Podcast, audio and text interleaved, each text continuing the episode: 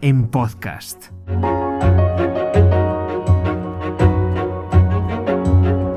Moi boas e benvidas e benvidos a un novo directo este dende o coche porque estamos tendo moitos problemas coa sonorización hoxe eh, na Lobeira porque, dios mío querido, isto é horrible, horroroso.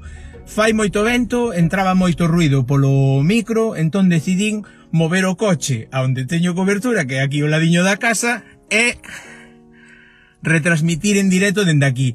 Eh, hoxe temos con nós a, nas conversas da Lobeira, que é o que estás escoitando se estás no podcast e é o que estades vendo, se estades agora mismo vendo no Instagram ou no YouTube, eh, temos a Luis Iglesia, actorazo de doblaxe e actorazo eh, a nivel cine, eh, series e teatro, así como cantante, cousa que flipei eh, facendo un pouco de, de, de documentación para esta, para esta conversa, do audiovisual, do eido do audiovisual galego. Actualmente eh, ten en pantalla eh, Método Criminal. Imos pasar a convidalo En canto apareza por aquí convidareino. Eh, mentres tanto, vou vos dicindo que isto, eh, para os que estedes escoitando agora mesmo co podcast mentras paseades, isto é un podcast en galego. Podes atopar moitos máis en podgalego.agora.gal. Eh, e tamén comentarvos que en Twitch, que tamén a Lobeira Today está presente en Twitch, temos eh, pendente unha votación para que Twitch habilite o galego como idioma de eh, para os directos, para non ter que andar poñendo español, portugués ou outros. Entón, anímovos a que pasedes por... Eh, por Twitch en galego, que está en Twitter, en Twitch obviamente, e, e, e en Instagram recentemente, para que pasedes por ali e votedes pola porque habiliten o galego para para os nosos streams. Estamos agardando a que se conecte Luis para convidalo. Eh, chegaronme bastantes preguntas de nas publicacións que colguei tanto en Twitter como en como aquí en Instagram. Chegaronme algunhas preguntas moi curiosas. Eh, aquí o temos imos convidalo xa a pasar. Vou saudando. Moi boas, Luis Iglesia, benvido ao directo a conversa coa Lobeira Today. Custou, eh? Custou, eh? Mi madriña.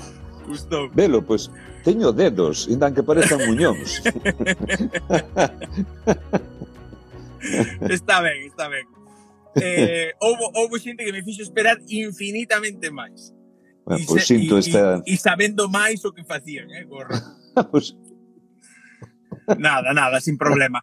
Eh, mira unha cousa, adoito facer, vou saudando por aquí a xente que se me quedou, porque o mellor se me quedou alguén sin saudar, eh, adoito facer tres preguntas moi, moi, moi pamponas, no? un pouco para romper uh -huh. o xeo, e tal, ainda que ti máis eu xa estivemos falando un pouquichiño antes.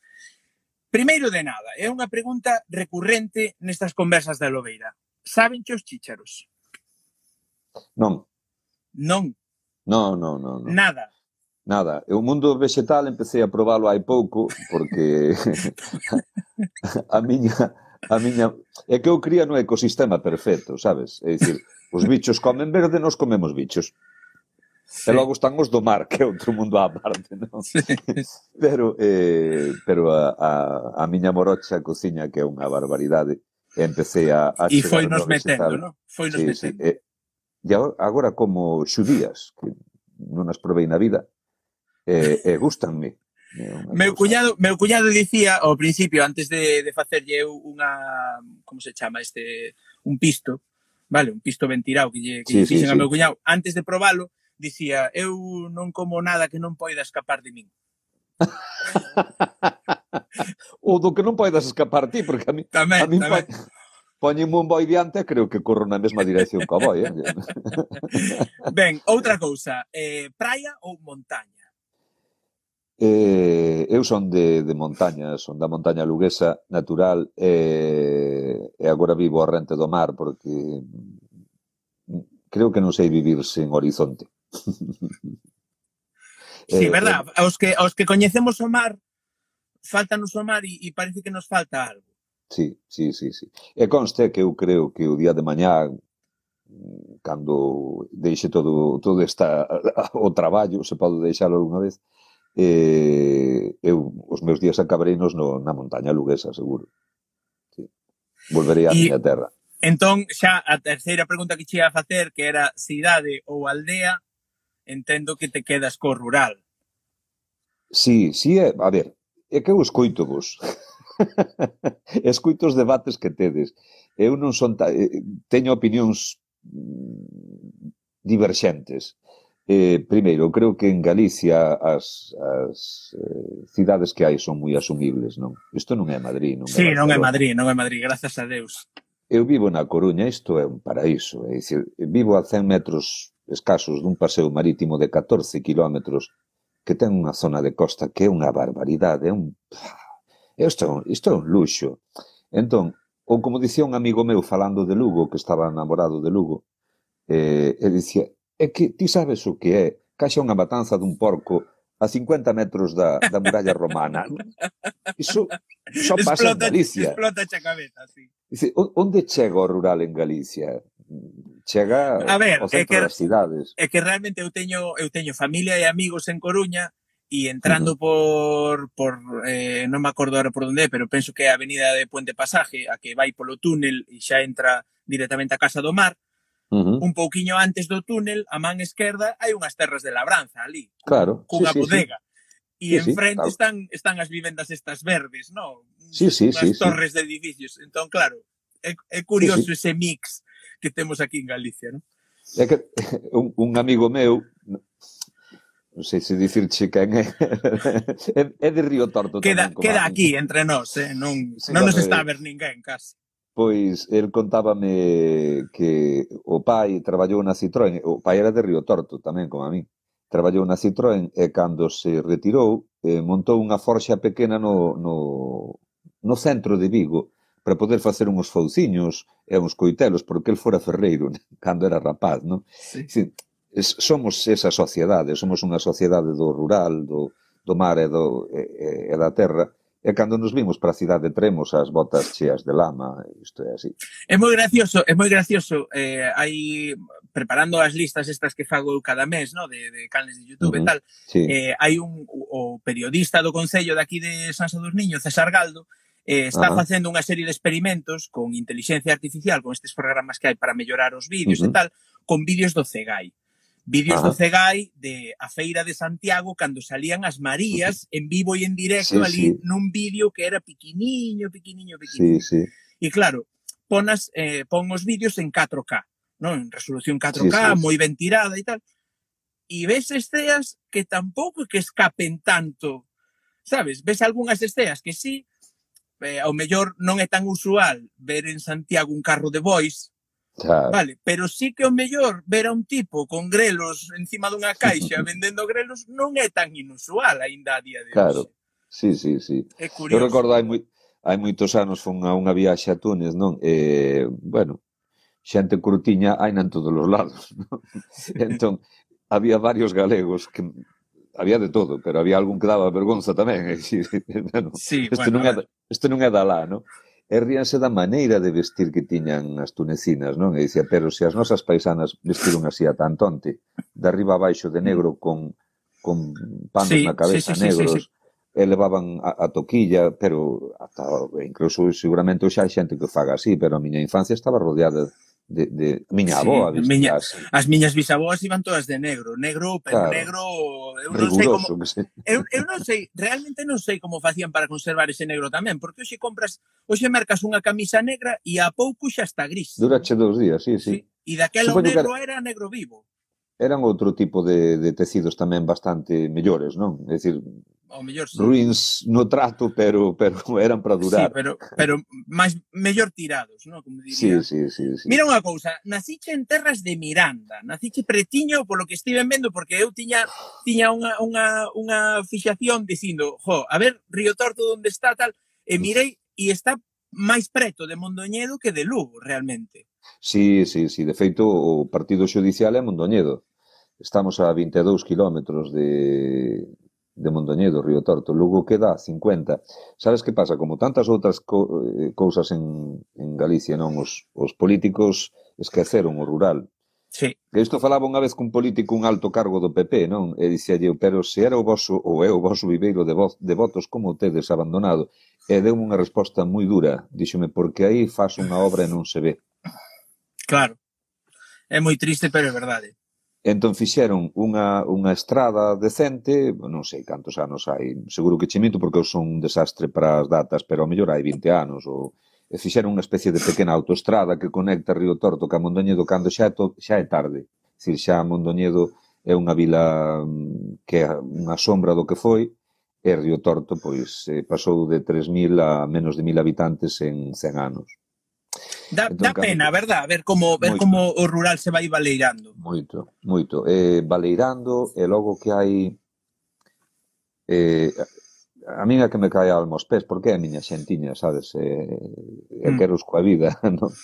Eh, entón, ves, por un lado, a xente nova está murcha, non? Porque mm. tampouco non ten demasiados alicientes, nin...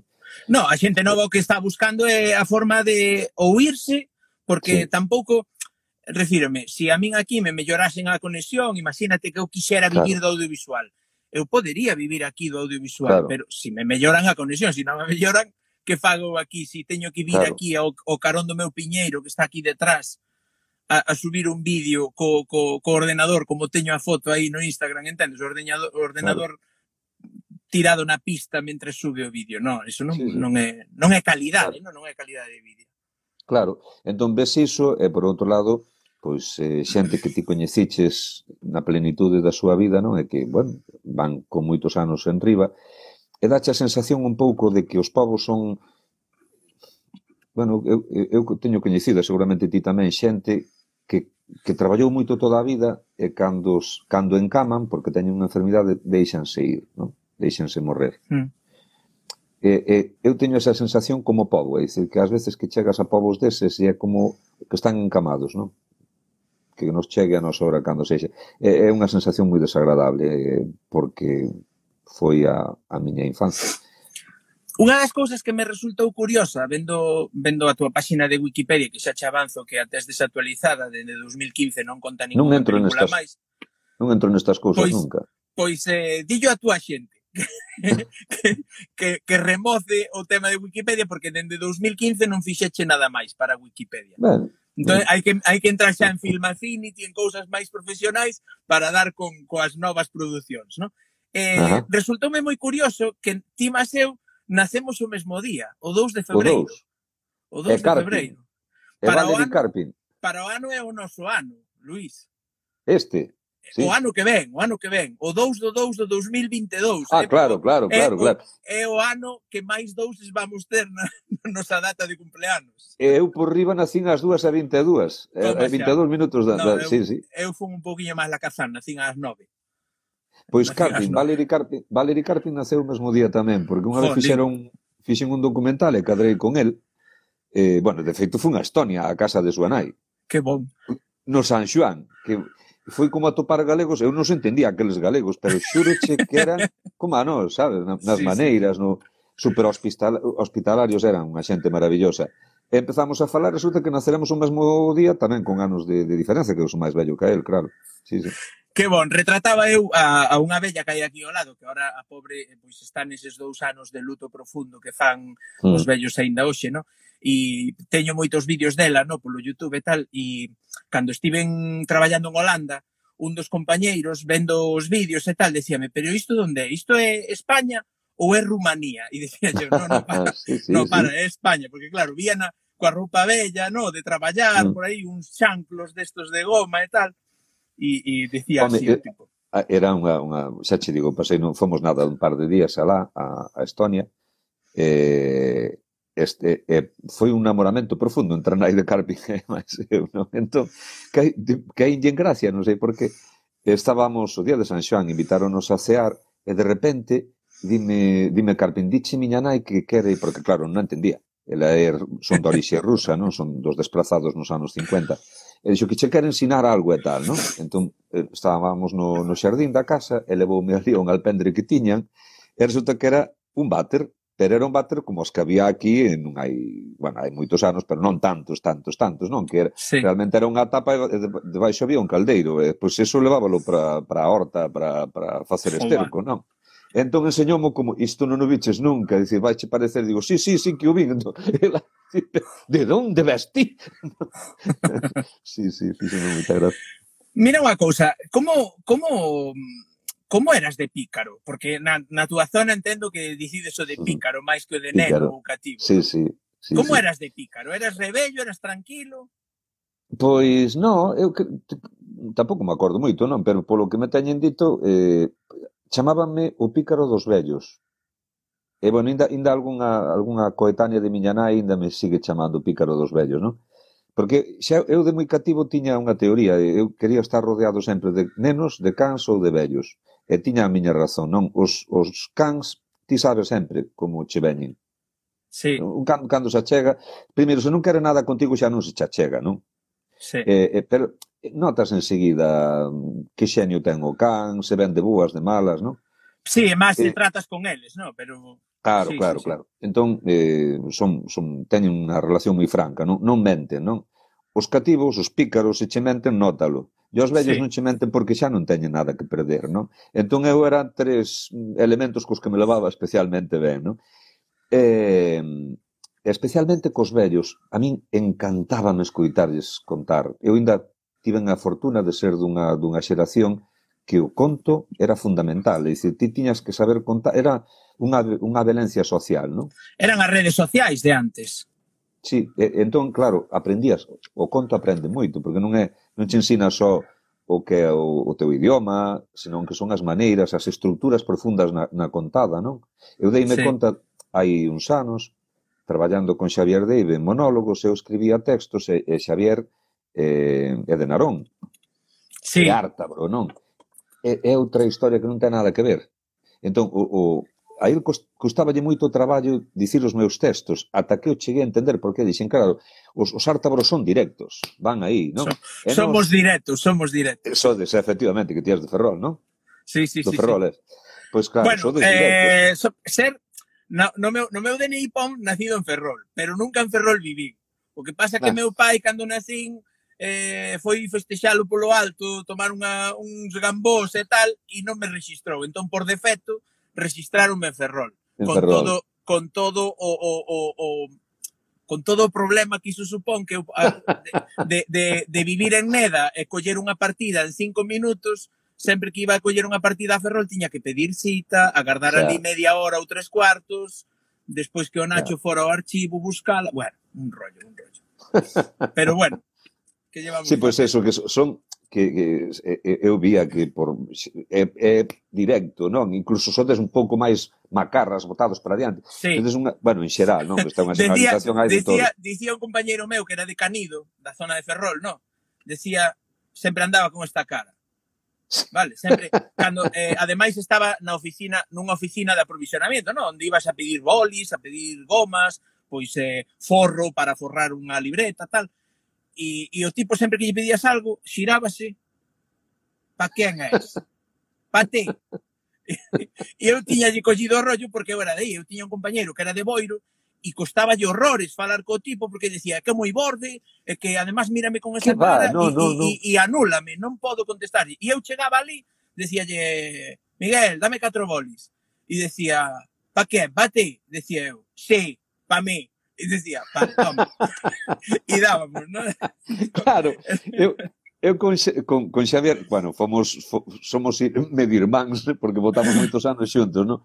E a min é que me facíame moitísima graza o seu sentido do humor, porque que, que están de moi bo rollo, ti parece que, está, que son macarras, non? Entón, ese rollo de, non, parece que che van de, de entende? entiendes? e, e resulta que non, que están, están de moi bo rollo, non? Sí, sí, sí, sí. Pero claro, ata que ata que colles a clave e, e, e pasa iso coas estruturas volvendo ao tema, non, coas estruturas profundas, claro. Cando esa maneira de contar é moito máis directa. A nosa é, contoche unha cousa, logo prendo nunha, nunha silva e vou por ali, prendo noutra. E cando parece que todo está esquecido, volvo a, a, ao tronco principal, non? E Era... iso aprendelo na tradición oral, non? Perdón, era en Terras de Miranda onde había a, o pers a persoaxe dun carteiro que introducía os capítulos. Encantábame, sí, sí, encantábame o, o sotaque, no, que tiña e tú, e tú que faz? Ese, ese e tú encanta. Eso que eso que ese, ese personaxe en concreto estaba feito por César Candeiro. Si, sí, que é das Rías que, Baixas. E, e justamente o bloque tivo pobre que facer unha, un traballo moi forte, porque tivo que cambiar, claro, mellor, non sei se vos decatades, pero non é só eh, dicir determinadas palabras como se di naquela zona, non? Eh, coller o, o galego daquela zona, eh, senón toda, que cambiou toda, toda a fonética, sí, toda a fonética toda, dicir, el dicía vento, nos dicimos vento, el dicía sol, nos dici, o, o sol, eh, nos dicimos sol, todas e cada unha das sí, palabras, sí, sí. normalmente as, as trabadas eh, nos facémolas abertas, tivo que cambiarlo todo, que é un choio, eh? É eh, un señor choio. Eh. O que pasa é que César é un galego falante maravilloso e un, un, un actor excepcional. e esa personaxe eh, estaba no medio de dous mundos, do real, era moi cunqueiriana, non? e do imaginario. De feito, había eh, un personaxe que, feito por Pepe Penabade, que era un afiador que aparecía nun conto de Nadal, eso non, non nos recordará seguramente. No. E facía milagres como os contos de Nadal, pero era un afiador que tocaba o chifro eh, e, e ia facendo resolvendo problemas nas familias. Aínda son único... Perdona, sí. aínda, ainda son da xeración que lembra afiadores e pescadeiras. Sí, Eu aínda, sí, sí. aínda lembro chegar a pescadeira co cesto de mimbre, de mimbre no, co cesto de espadaña sí, de, sí, a, o sí. ancho, cargado de sardiñas, xurelos, tal, e vir berrando polo camiño, sardiñas frescas. Ainda son desa xeración, son pois un ben. Xa ves, ti. Pois eh, este, este personaxe non vía ninguén, o personaxe do afiador. Oían un chifro, me creo recordar, pero non o vían. E o único que o vía e que falaba con ele era o carteiro. Entón estaba como no medio do mundo do imaginario e do real, do real non? E logo había un personaxe, non sei se te acordas, que tiña un amigo imaginario que ninguén vía. Buah, non me acordo hai, hai moito, hai moito que, que, que, que, que non... Sí, o sea, que pasou, xa, hai xa. moito que non revisualizo esas cousas. Normal. Eh, eh, digo, eh, o internado no que estudache, unha curiosidade eh, que, me, que me xurdeu a min, o internado no que estudache entre os 10 e os 15 foi o Seminario Menor de Mondoñedo? Non, foi o de Lugo. Foi o Seminario Menor 4 anos de Lugo e o maior un ano. Que meus pais... Eh, Pero Lugo, Lugo. Non, en Lugo, non o de Mondoñedo. Sí. Non, non, non o de Mondoñedo, vale, de Lugo. Vale. Meus pais querían, non porque eu fose un rebelde, ni moito menos, pero querían que fose a un internado, parecía, bueno, estas cousas, non? Eh, entón, en Lugo, meu pai era máis de rollo franciscanos ou maristas ou tal, pero eles non tiñan internado. Entón buscaron e meteron no seminario. Non Estuveche... foi non foi a mellor etapa da miña vida. No, verdad? Porque no, ainda no, a aínda daban, aínda daban duro, non? Mm, sí, des, bueno, hai moitas historias aí duras, non? Eh, primeiro porque era unha A ver, que houve de todo, eu teño isto, hai unha época que tamén hai cousas a que lle estou moi agradecido, porque era un colexio de xente de clase media para baixo, era un colexio relativamente económico, entón eh, estábamos non a mellor meu pai podía un pouquiño máis que outros, tampouco era un era funcionario, Pero éramos xente, non éramos de clase media alta, ni moito menos. Era un internado de xente máis ben tirando a, bueno, a modesta, non, digamos. Sí, clase media moita, baixa. Sí, moita xente da moita xente da aldea, eh, eh, o 90 e pico por cento, non? E era un colexo onde ademais eh, estaba como concertado, máis ou menos. Entón era un, un ensino relativamente barato e, eh, sen embargo, tiñas Pois, por exemplo, hoxe en día eso parecerá normal, pero no ano 72 ti entrabas no seminario e preguntabanche que instrumento querías aprender a tocar, que iso era alucinante. Eu tiña de profesor de debuxo a Blas Loures, que era un pintorazo de Lugo, un, unha eminencia. Jolly. E música, claro, tiñas eh, latín e música obrigatoria dando os 10 anos, que daquela non era, non? Entón había cousas que tiñas un nivelón tremendo, eh, pero despois estaban outras cousas eh, bueno, salvaxes e eh, un tipo de disciplina eu acórdome, levei dúas moi gordas dúas eh, moi gordas eh, eh, unha foi por preguntar por qué porque meus pais eran xente que me educaban, é dicir, na miña casa non se pegaba, pero tampouco discutías as, non? Cando meu pai dicía, habería que ir buscar leña, ti entendías que era collo capazo. pero, vai, que non vou ir eu. Efectivamente. O avería non, non era unha avería, non. Eh, pero pero na, na miña casa explicaban as cousas. Eu lle preguntaba a meu pai por que, pois porque fai falta leña para a cociña. Eh, as buscar a leña, punto, non? non pero había o, a posibilidade de preguntar. Ali non. E a primeira vez que preguntei por que le deron unha do revés. Jova. Mm, e acórdome con 14 anos ou así, con un tipo que ainda non... Aparte que lle viran moi malas maneiras e tiñalle tiñalle manía, eh, inda non era crego, estaba para selo e tal. E tamén unha destas que eu daquela era un touro, e acórdome que mm, deixa de facer o que estás facendo e ponte a estudar. Éramos 140 no curso. Estábamos todos xuntos no estudo e dixen, pero que teño que entregar este traballo mañá, que deixes iso e que te poñas a estudar. Estou che dicindo que teño que entregar isto mañá. Estou che dicindo que deixes iso e que te poñas a estudar pon, que che estou dicindo que teño que entregar de mañá, ponte de pé, segundo me, puxo, me puxen de pé arreoume unha do revés, e eu era bravo, era moi tranquilo, pero era bravo, collino polos colares e dixen a próxima vez. a eh, próxima vez botanme daqui.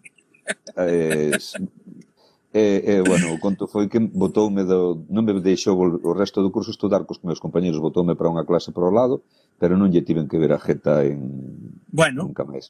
Bueno, ainda bon foi. Entón, foi ou acordo unha vez un castigo de poñernos ás dúas da mañá de rodillas no medio dun campo de fútbol nevado, non? Por, por, porque fixéramos unha folga de, de baixar cear ca, ca roupa de inverno posta porque no, nosos pais pagaran a calefacción e ali non a poñían.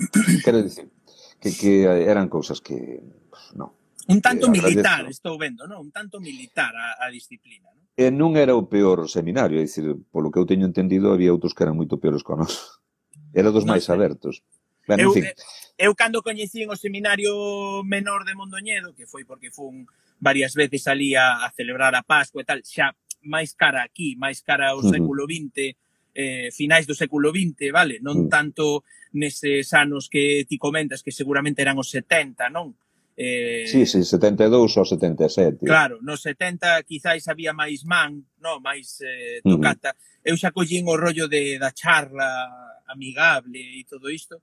Aquí había de todo, xa empezaba a entrar xente, por iso digo, eu insisto nisto, eu estou agradecido de ser, primeiro, meus pais fixeron porque pensaban que era o mellor, non?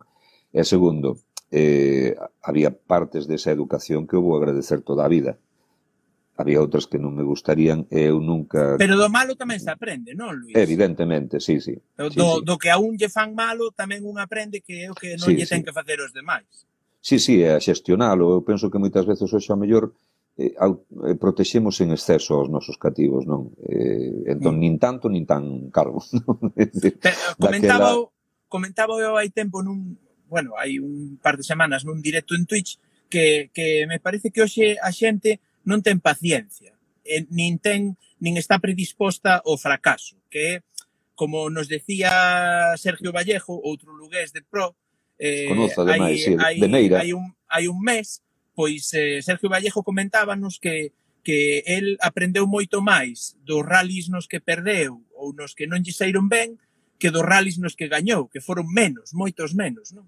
Que mm. aprendeu moito máis das malas momentos que dos vos.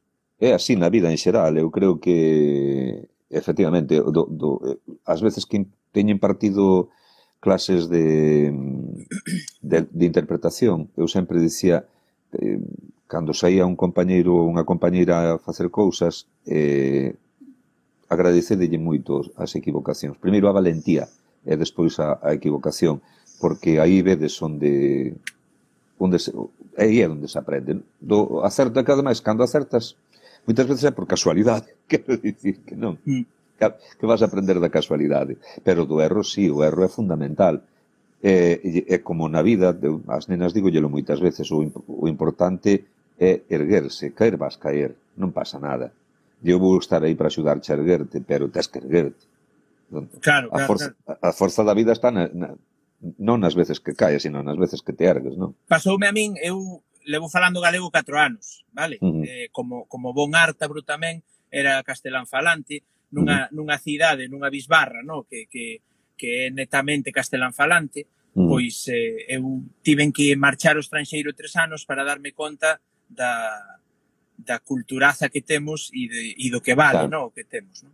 Entón, mm. pois, bueno, xa contei moitas veces que comecei a falar galego con muller e todo o rollo, e pasaba... Nunha viaxe, nunha viaxe, sí, nunha, nunha a viaxe, Francia. Sí. Eh, Francia. no, voltábamos de dun Nadal a, en, a altura de Francia, entrando en Francia, voltábamos ah, vale. cara, cara a Países Baixos. Lucía, chamas a túa sí, Lucía, compañera, chamas a miña muller. E dixo, sí. nego máis tarde todo a Brans escutar galego. Exacto, sí, escu, vexo, vexo, que dixe algo, vexo que dixe algo. Sí, e no, e aparte que teño moi boa memoria para anécdota, despois non me preguntes unha data, un nome, e non, pero para anécdota, vendo os contos de que de pequeno, a anécdota pues, teño eh, boa memoria. Pois foi iso, no? que, que, que voltando iso, e, e pasábamos ao principio que dicía, por exemplo, entrear, en vez de adestrar Xa, e bueno, cousas sí, destas, normal. non, porque mm. eu estive facendo un vídeo aquí no Instagram das primeiras cousas que hai no, no meu feed, abaixo de todo, uh -huh. eh, un ano inteiro facendo un vídeo diario. Sí, non sei, non sei. Vale? Mm. E, mm. e metía, metía un, uns trallazos bueno. a veces ao principio brutais, non? E mesmo houbo xente que comentou por mal, que comentou en plan, ala, venga, tal, como dis iso, como dis isto, tal. Pero o caso é que moita xente, na actualidade, non se non, non sabe eh, dar carpetazo a iso, como dicía Carlos de Instagram galego, vale?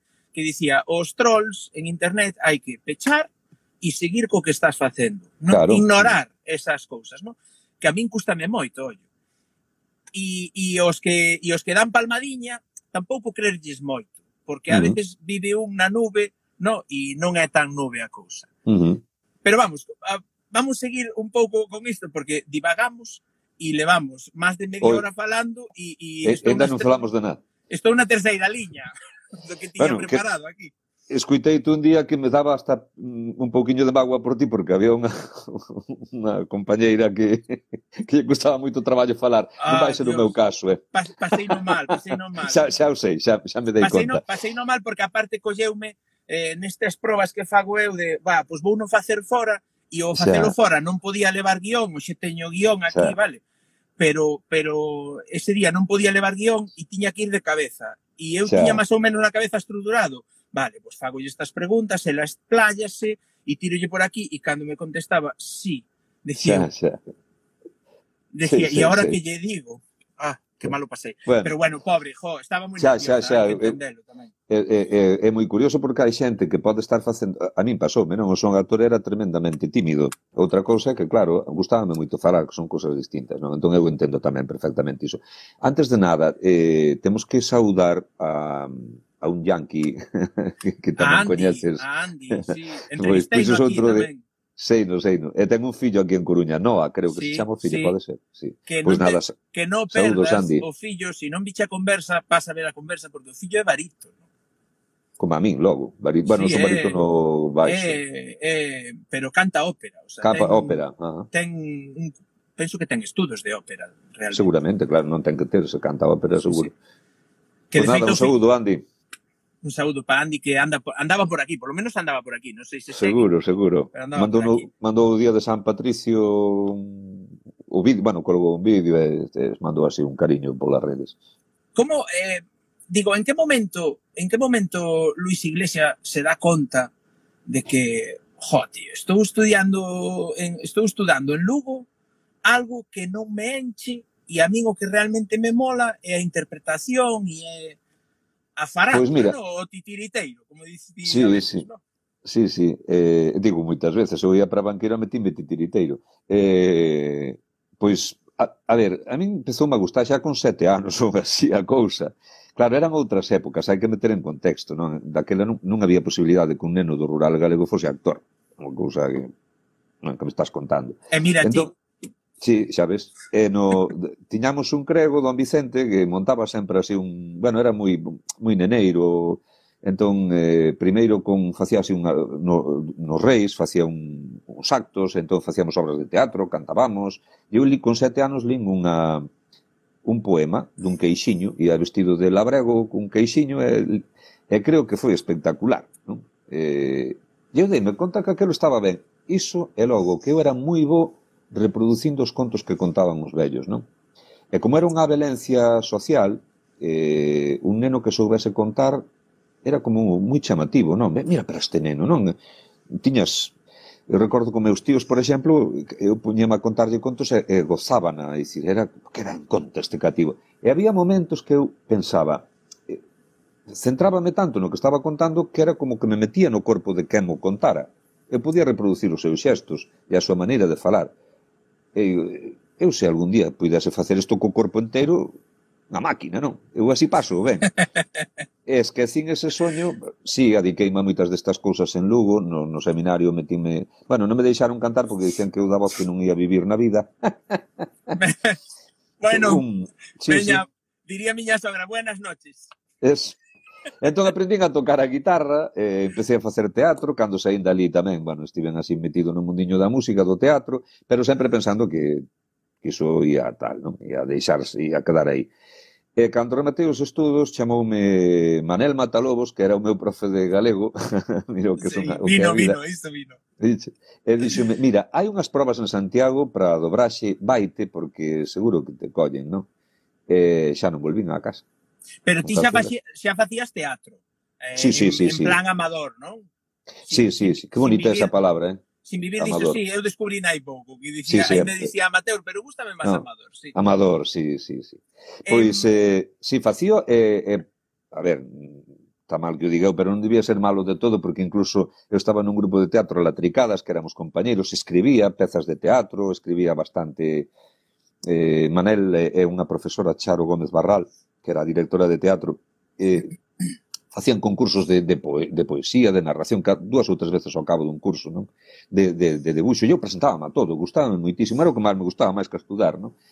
E, e Manel sempre me dicía, o teu está na interpretación, pero quen pensaba? Digo, sí, vou dicir ao meu pai que marcho estudar arte dramática a Madrid, méteme unha dos revés que me manda de volta, non? Como foi ese eh, momento? Como foi ese momento? Refírome, no momento no que te tes que plantar diante do teu pai e dicirlle, eh, mira, papá, que que isto pois, no. Mira, foi, recordo que fora un ano eh, bueno, bueno, había un, un traballo, meu pai era funcionario, eh, bueno, encargabanlle aos labregos que, que, que fixesen un, uns, bueno, uns, eh, unha cousa legal, un, un bueno, non, non, non ia dicir a palabra agora, fideicomiso algo, non sei. No, pero cubrir uns, uns informes, unha especie de informe, nos chama así, pero igual, para entendernos, non? Eh, que eran bastante complexos, e eh, eh, nas eh, xestorías cobrabanlles un pastón. Eh, eh, tampouco era tanto, é eh, que eles non o entendían. Entón, meu pai explicoume como se facía. E a mí pareceu uma de xustiza, de, pois fagolle o seu e cobrolles unha cousa moito máis simbólica, non?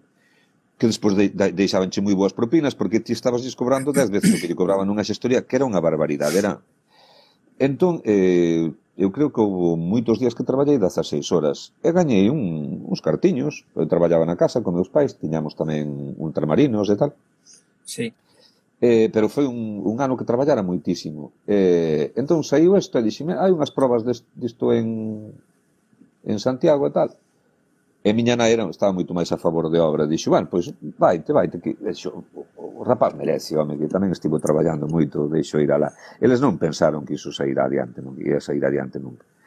Entón, cando meu pai estivo cabreado anos, non lle gustou nada. Non lle gustou nada, eu entendo, co, el fixérame unha casiña pequena cun baixo comercial para montar ali un banco.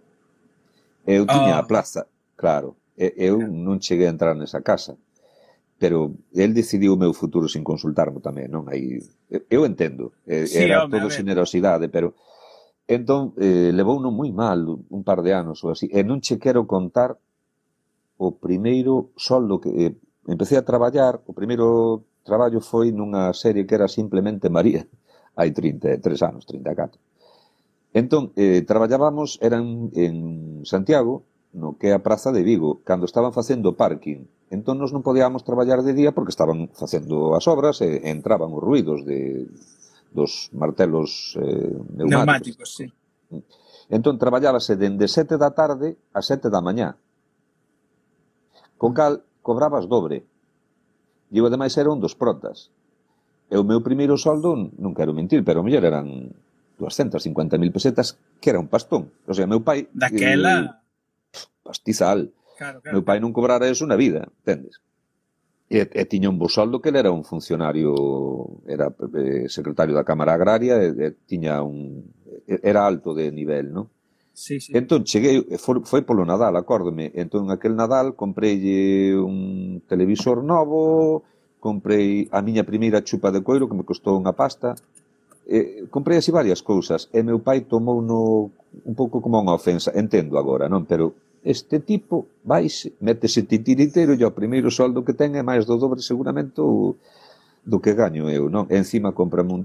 Entón levou no mal, despois eh, el, el, el fixera teatro, pouco, pero fixera teatro cando era mozo, eh, despois presumía moito de mí.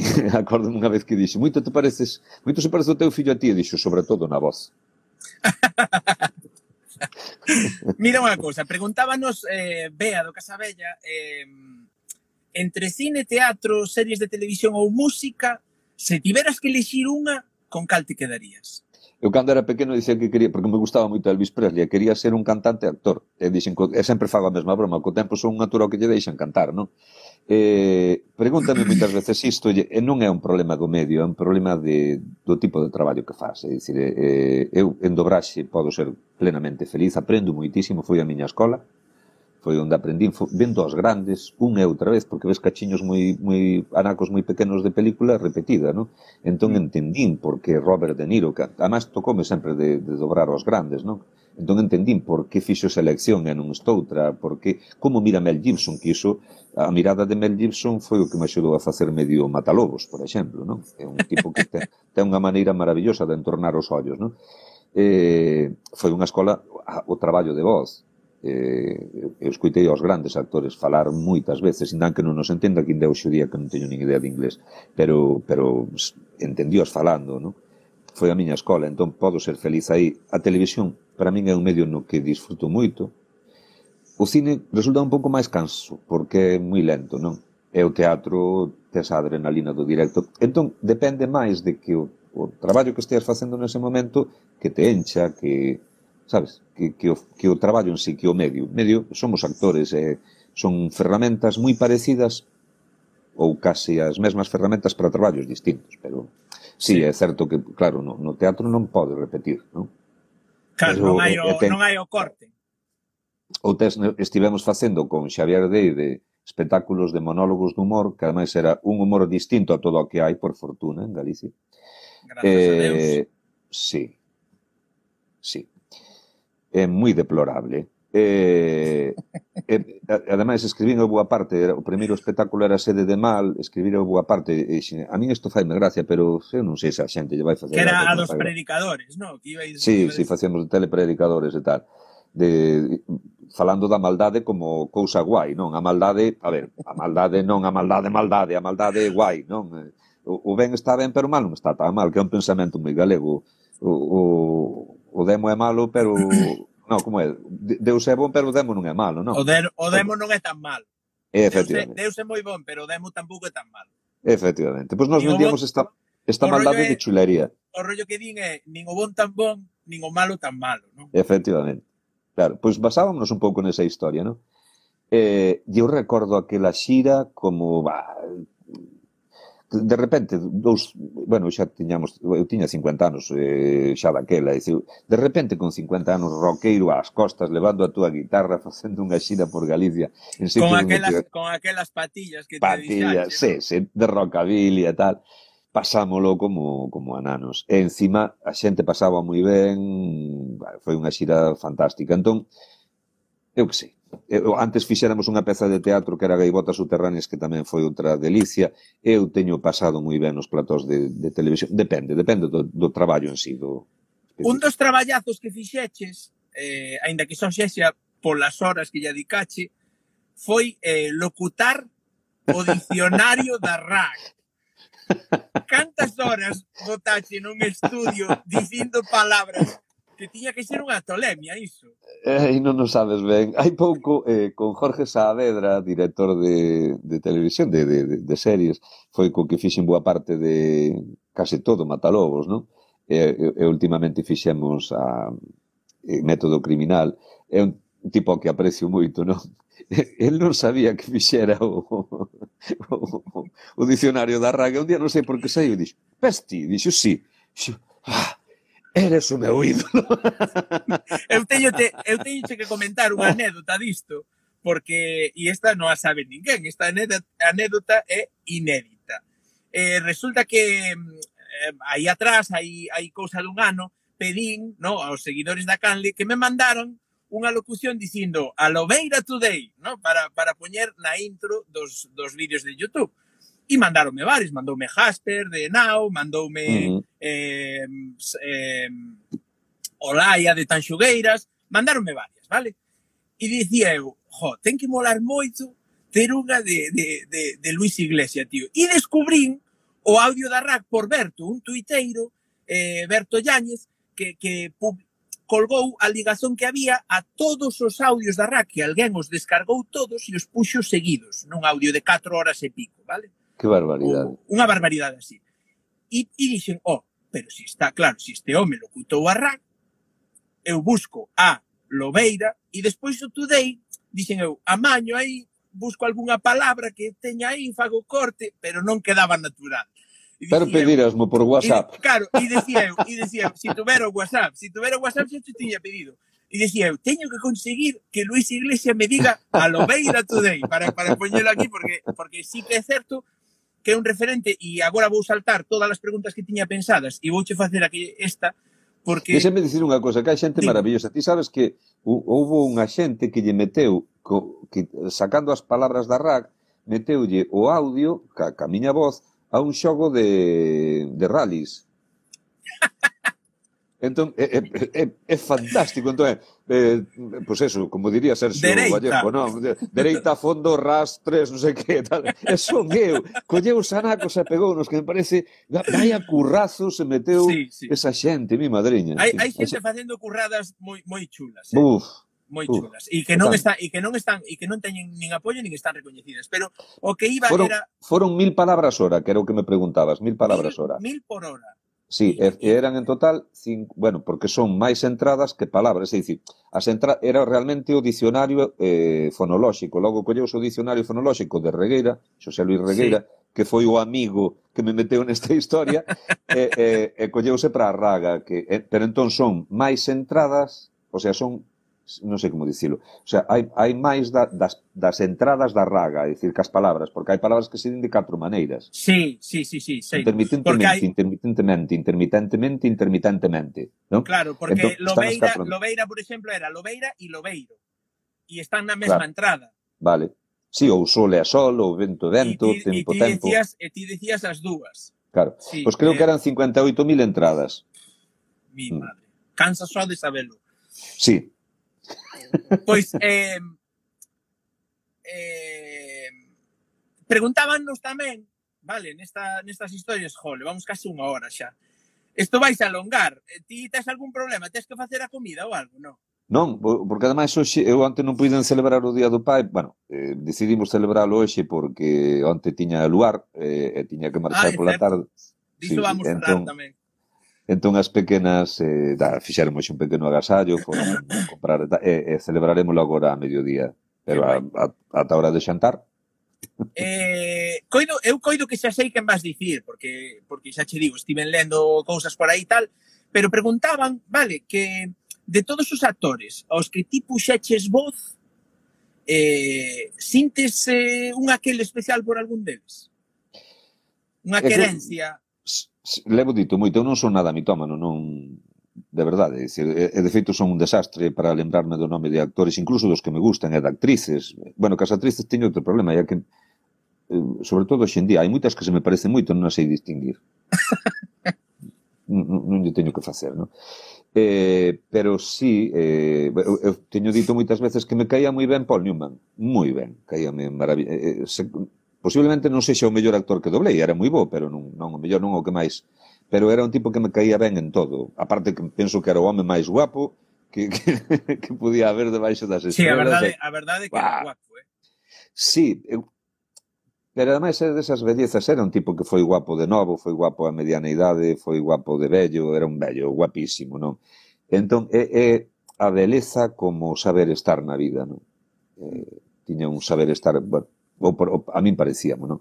E logo hai tipos os que, por exemplo, ideolóxicamente estou nas antípodas que me parecen maravillosos actores, Mel Gibson, por exemplo, que é un fascista empedernido, non? Pero xa.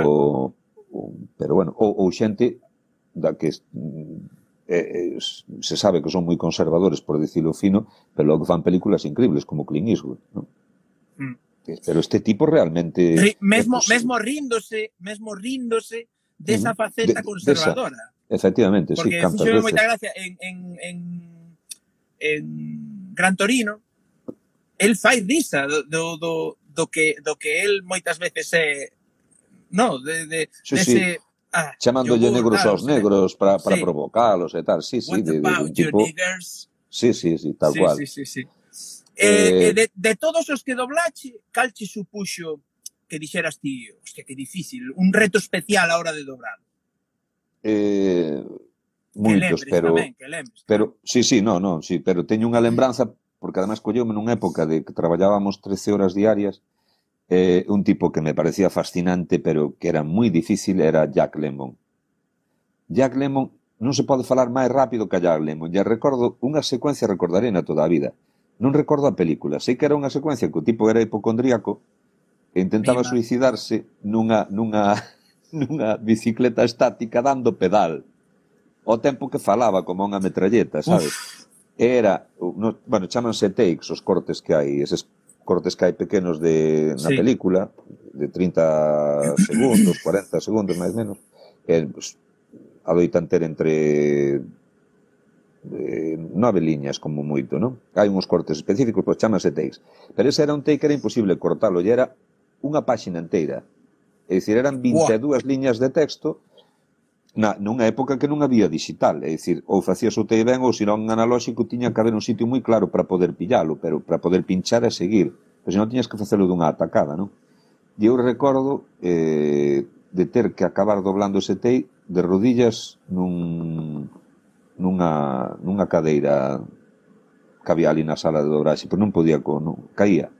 Jova. É dicir, dificilísimo. E por riba, eu, eu eh, recordo que empecé a dobrar e ao pouco tempo dicíame que, bueno, pedírome que, que impartise un curso de dobraxe. Non hai un sistema, cada un ten o seu, non? E dice, pero por que? Dice, porque ti dobras distinto aos demais, eh, eu dobro como a todo o mundo, non?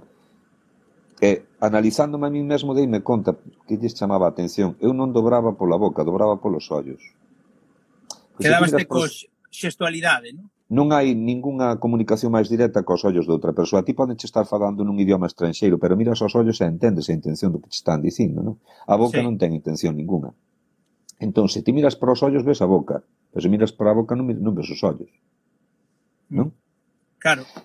Entón, eh, claro, eu a mellor éramos todos moi, moi malos por cando empezamos nisto, porque inventamos a, a dobraxe en galego e o galego para as películas, entón cometemos moitos erros, como era lóxico, non? eh, éramos moi malos, pero dentro do malos que éramos, pois, pues, eu era un amiguiña menos malo, non? entón parecía ou, que era bo, pero... Ou polo menos intenta, non? Intenta un pois, pues, ir mellorando no que, no que fai. Sí, eu sí, penso claro. que, eu penso que mellor o, o máis o máis honrado que pode facer un cando empeza en calquera cousa é tentar melloralo en todo momento. Ainda que mm. leve 10 anos facendo, pois seguir mellorando, intentando, no, tentando mellorando. Claro, pero a veces a un chamanlle, como me chama a min, como me di a min a muller, dime, eh, eres, eh, que lle pasaba tamén a, a, a, Fede, a Fede Pérez en Era Visto, no? que lle dicía, eres un... Ai, non me saia, non me ven a palabra agora a boca, pero é como que, que, te, que colles un tema e lévalo a fondo, ata o final, desenvólvelo ata o máximo que ti podes facer, non?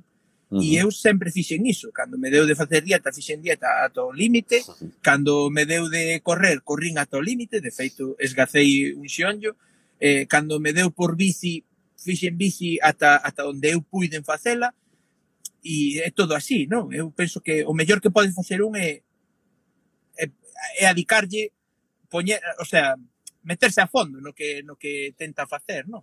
E ademais este foi un colectivo que a ese nivel, eu, eu escoito vos moitas veces falar do tema do galego, non? E, e pásame, resultame moi curioso, o sea, primeiro, interésame moitísimo a vosa opinión, non? Eu escoitaba outro, escoitando a, a Migelo, por exemplo, o Jato Cósmico, a, a Eva, que ademais é tamén medio da miña terra, non? É de Barreiros. Eva? No, no, eh, de Barreiros é... Eh, eh, Melody, eh, Luz de Tea é de Barreiros. Elo de, a Eva onde é? Eva é de Carballo. Carballo, vale, bueno, é igual, escoitando Eva a Eva, a Eva, eh, bueno, escoitando a moita xente, non? Entón pásame unha cousa moi curiosa, que por unha banda e, e interésame moitísimo o, o, as vosas discusións e por outro lado cánsame moito. E vou explicar isto, claro. porque eh, cánsame moito por qué? Porque nós fomos dunha xeración que eh, tivemos que luitar contra os nosos propios prexuizos, porque tamén os tiñamos, Temos unha autoxenreira co idioma brutal. E tivemos que pelexar contra iso nun medio que nos era hostil, porque a, a, os estudos de dobraxe estaban na Coruña, Vigo e Santiago.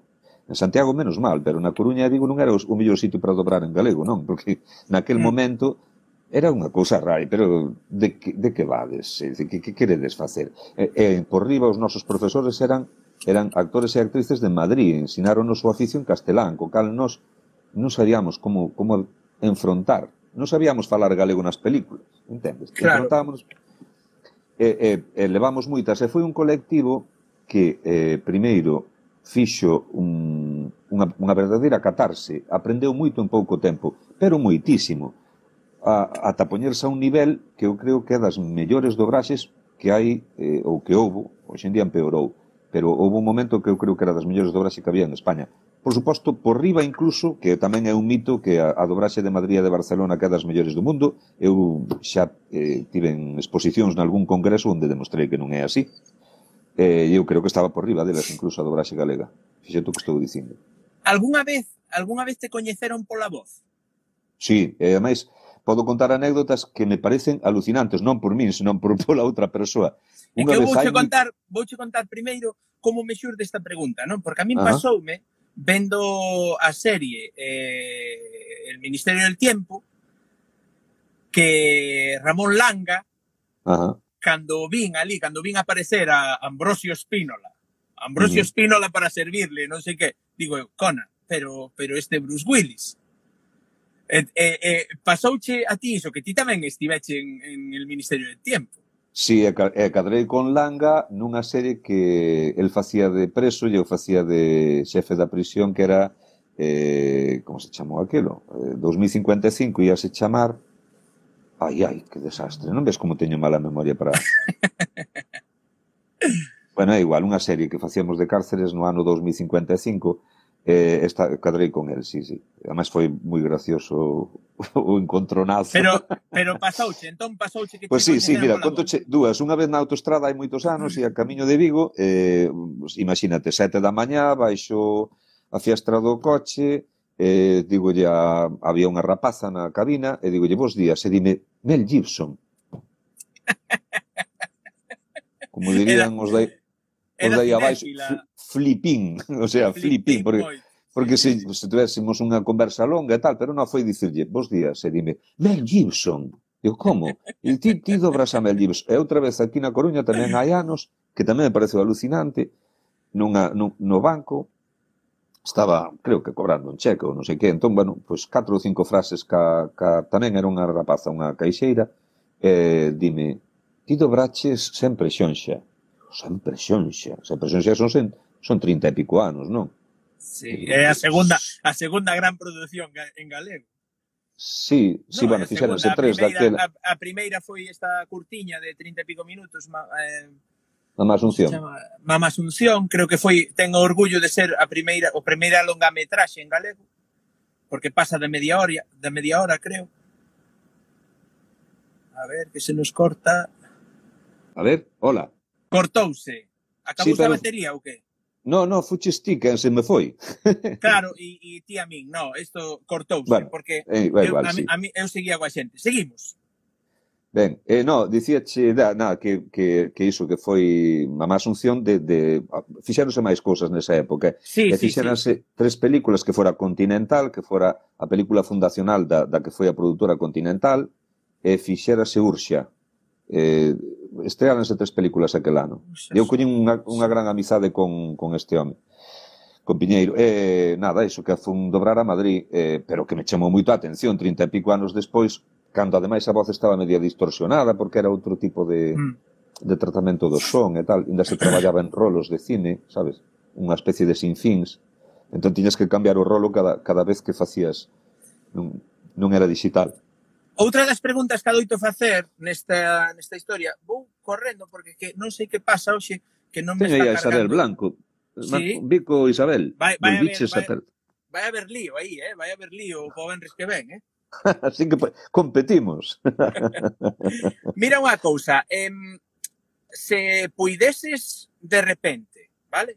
Puideses coller, agarrar unha máquina, un DeLorean ou o que ti queiras, hmm eh, e viaxar no tempo, estou movéndome moito porque teño que poñer a cargar a tablet, que non non me está cargando co coche, entón teño outra alternativa aquí. Vale. Agora vou mirar así para baixo porque teño aquí o tema. Se puideses viaxar no tempo e, e conversar dúas, tres horas con alguén, futuro, pasado, a onde irías, a que data irías e con quen conversarías? Ai. eh, pois seguramente con miña nai ou con meu pai.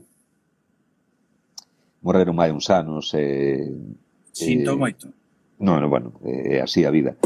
Eh, falaba onte, porque falábamos no lugar destas cousas, eu digo que tiven o privilexio vital de... Por para niña foi un privilexio, eh?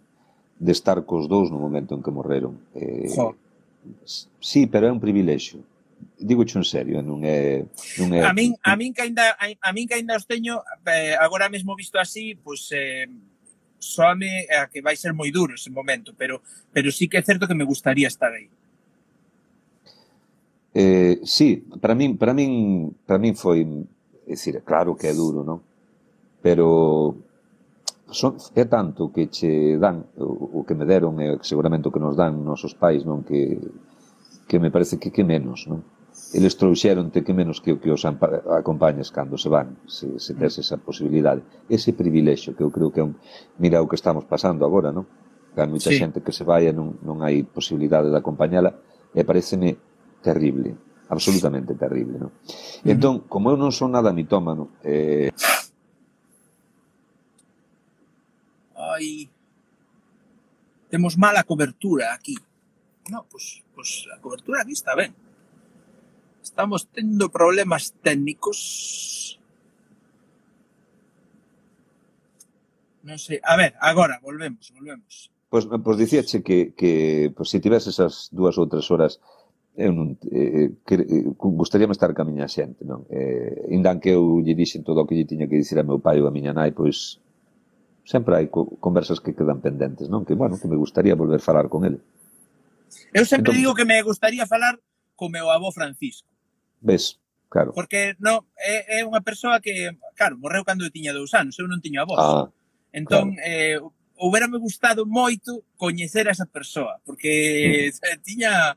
El traballaba nunha serradeiro, pero, pero polo que conta meu pai, no, tiña a cabeza moi ben asentada. Eh? Decía, hai que traballar máis co cabeza a poder ser que co corpo. Decía, decía o meu avó Francisco. Sí, sí. É curioso. O meu eh, dicía unha cousa parecida, iso ganase máis tempo facendo contas que, que traballando ás veces. Que, ou que contando contos. Sí, sí. sí Mira sí. unha cousa, que, que canle de YouTube coñeceche coñeciches hai, hai pouco tempo que te chamara a atención, que dixeras ti, ostres, mira...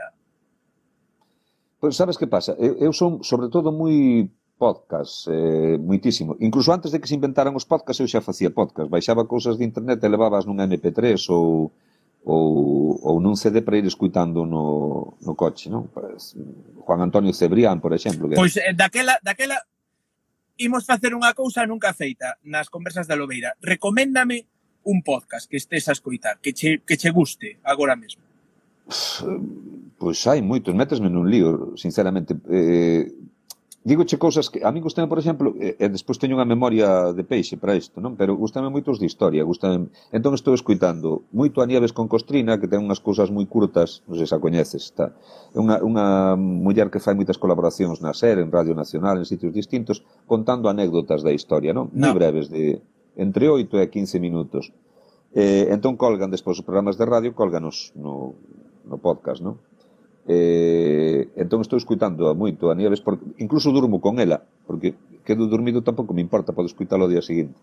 Logo, eh, escuito moito... Es, houve unha época, estive viaxando a Madrid hai pouco para traballar alá, entón no camiño de vida e de volta escuito podcast seguidos. Escuitei sí. bastantes de Alex Fidalgo, que ademais coñezo a Alex. Lo que tú digas. Programa, lo que tú me digas, non? Lo que tú digas. Eh, sí. Sí, lo que tú digas, eh. Sí. Pois escoitei bastantes, había porque creo que leva as entrevistas dunha maneira moi moi guai. Sí. Eh, eh, gustame moito. A min gustame entón... moito porque non non el nunca se posiciona e, e, e é como unha é un pouco salvando moito as diferenzas, é un pouco o que eu intento facer, no tamén, pois un pouco metedaca, metedaca de decir, pois ir comenzando, non non que seña pregunta, pregunta, pregunta, pregunta sino sí. un pouco ir fiando un pouco todo. Mm. A min gustame como as leva, creo que chega a un nivel de confianza e de, de profundidade a veces nas entrevistas con xente que eu coñezo. Eh, Escoitaxe a de Galloso? A de Galloso non. A conversa con Galloso está moi interesante. O que Pero, pasa por exemplo, que seguro, seguro que non con Reixa, sae... Sí, dime, dime, dime. Con Reixa, con Zaera, eh, comentei hai pouco a Zaera, para min foi a mellor entrevista que escoitei a Zaera pareceu interesantísima. Había cousas de Cera que eu non sabía, tampouco teño por que sabelas, pero que me pareceu unha eh, divertida eh, e eh, profunda con, con Reixa, pareceu unha entrevista moi moi profunda. É que aparte, muy... calquera desas conversas son moi inspiradoras, porque sí, ao sí. final o, o mesmo que esta que estamos mantendo nós, no? A min a min resulta moi inspirador falar con xente e escoitar pois outros puntos de vista, outras ideas, claro. outras anécdotas, porque ao final todo mm. iso vai vai entrando aquí dentro, vai facendo as súas historias, no? Eh, Dime, Pero por eso, favor... eh, escoito sí. as cúbula, las cóbula de la brújula, escoito de historia, moito ser historia, eh, escoito a veces eh, programas de... Ahora me vai sair o nome do, do psicólogo este... El, o que fixo o libro da sorte, Alex Rovira, cousas moi diversas, non? Pero porque eu saio a andar, sempre que podo, ando dúas horas a bo ritmo, eh, sí. por esta paraíso que teño aquí ao lado, Torre de Hércules sí. e tal eh, fa, eh, escuito moitos de mitoloxía, entón faime moita compañía, ábreme moito a cabeza escuitarvos. Eh, parece un exercicio maravilloso ir andando, eh, que de repente... Coñeces? Coñeces Escuitevos a vos moito. Coñeces pod galego? No. Pois eh, tes unha páxina en agora.gal, chamase uh -huh. podgalego.agora.gal. E, uh -huh. e hai tes máis de 60 podcasts en galego aí. De pues todo, hai de todo, pois hai de, desmontando a historia en, en galego, que che pode molar. É un rapaz que fala de historia en galego e hai algún Deses máis. escoitei algúns moi bons, eh, escoitei algún moi bon, mellor algún deses, eh? sobre a historia, por exemplo, estou moi metido últimamente no mundo vikingo porque estou escribindo un, un novelo. No, é, sí, son contos enxergados entre sí, entón non é unha novela, é un novelo. É, é, é, bueno, é ando de, dunhos mundos para outros, e resulta que o, o, o meu cativo do conto, que empeza sendo un cativo, eh, empeza o conto dicindo se fago a primeira comunión podo ir de vikingo. Porque, bueno, hai toda unha historia pola que el quere ser vikingo, non? Entón, bueno, estiven aí ti sabías, bastante no mundo vikingo. Ti sabías, cousa curiosa esta, ti sabías que o segundo apelido de miña mai, Ulfe, ven ah, de, ah, eh, das, de Ulf. das, das hordas de Ulfo vikingo o, en na, Ulfo na galego. da Mariña. Ulfo sí. galego. Ulfo galego, sí. Sí, sí, sí, coñezo, coñezo. Ulfo galego, pois pues, pois o Ulfe de miña mai ven de aí. Hai, queda, creo que quedan oito, oito deben de quedar en, en Galiza. Sabes que pasa ademais? Que claro, a historia eh, eh aquí démoslles. Sí. Aquí os, os vikingos saíron daqui e... Levaron, levaron. Levaron, levaronas. Pero despois houbo o, o cal tamén era bastante normal na época, ao parecer houbo moita simbiose incluso de, Ai, por que non nos axudades a pelear contra a pelexar contra este señor que nos está aquí tocando un pouco o fuciño, non? Entón, eh, había unións, eh, bueno, que, que non era todo andar a guerrear o día inteiro, non? O meu conto ten que ver con iso, porque eu imaginaba eses homens do norte que de repente chegasen aquí e visen este verxel. Eles eran, ser vikingo non, era un, un oficio. Non, os vikingos non, non eran unha raza. Era, viñan vikingar, que era eh, sí, facer as, saquear e tal, non? Sa, saqueos, non? Pero eles eran labregos, eran gandeiros, entón chegaban aquí, eu imagino esa xente chegar aquí, pero isto, isto que é, isto non se parece nada á nosa terra, nin a Inglaterra, sequera, non? Isto é un, é un Brexel, non?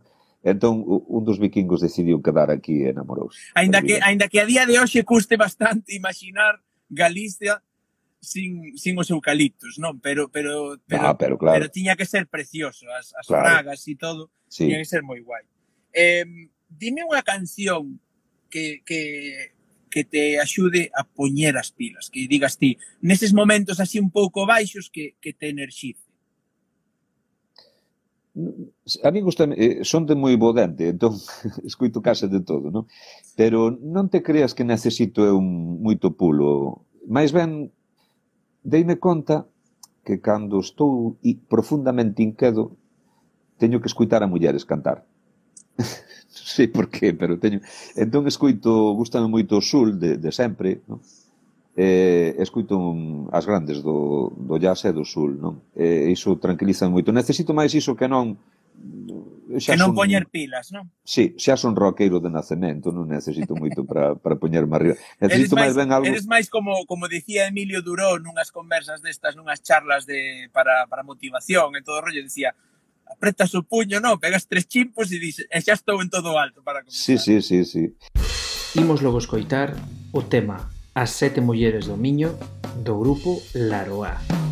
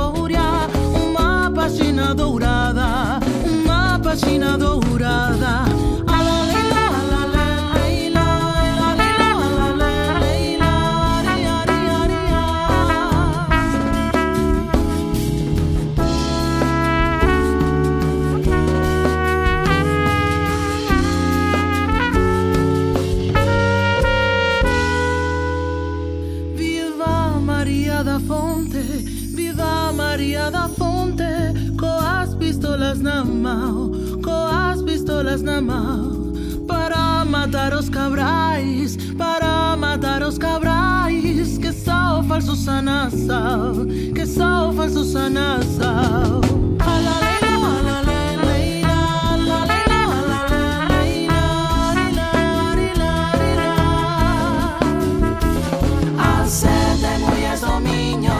hacerte muy eso, niño.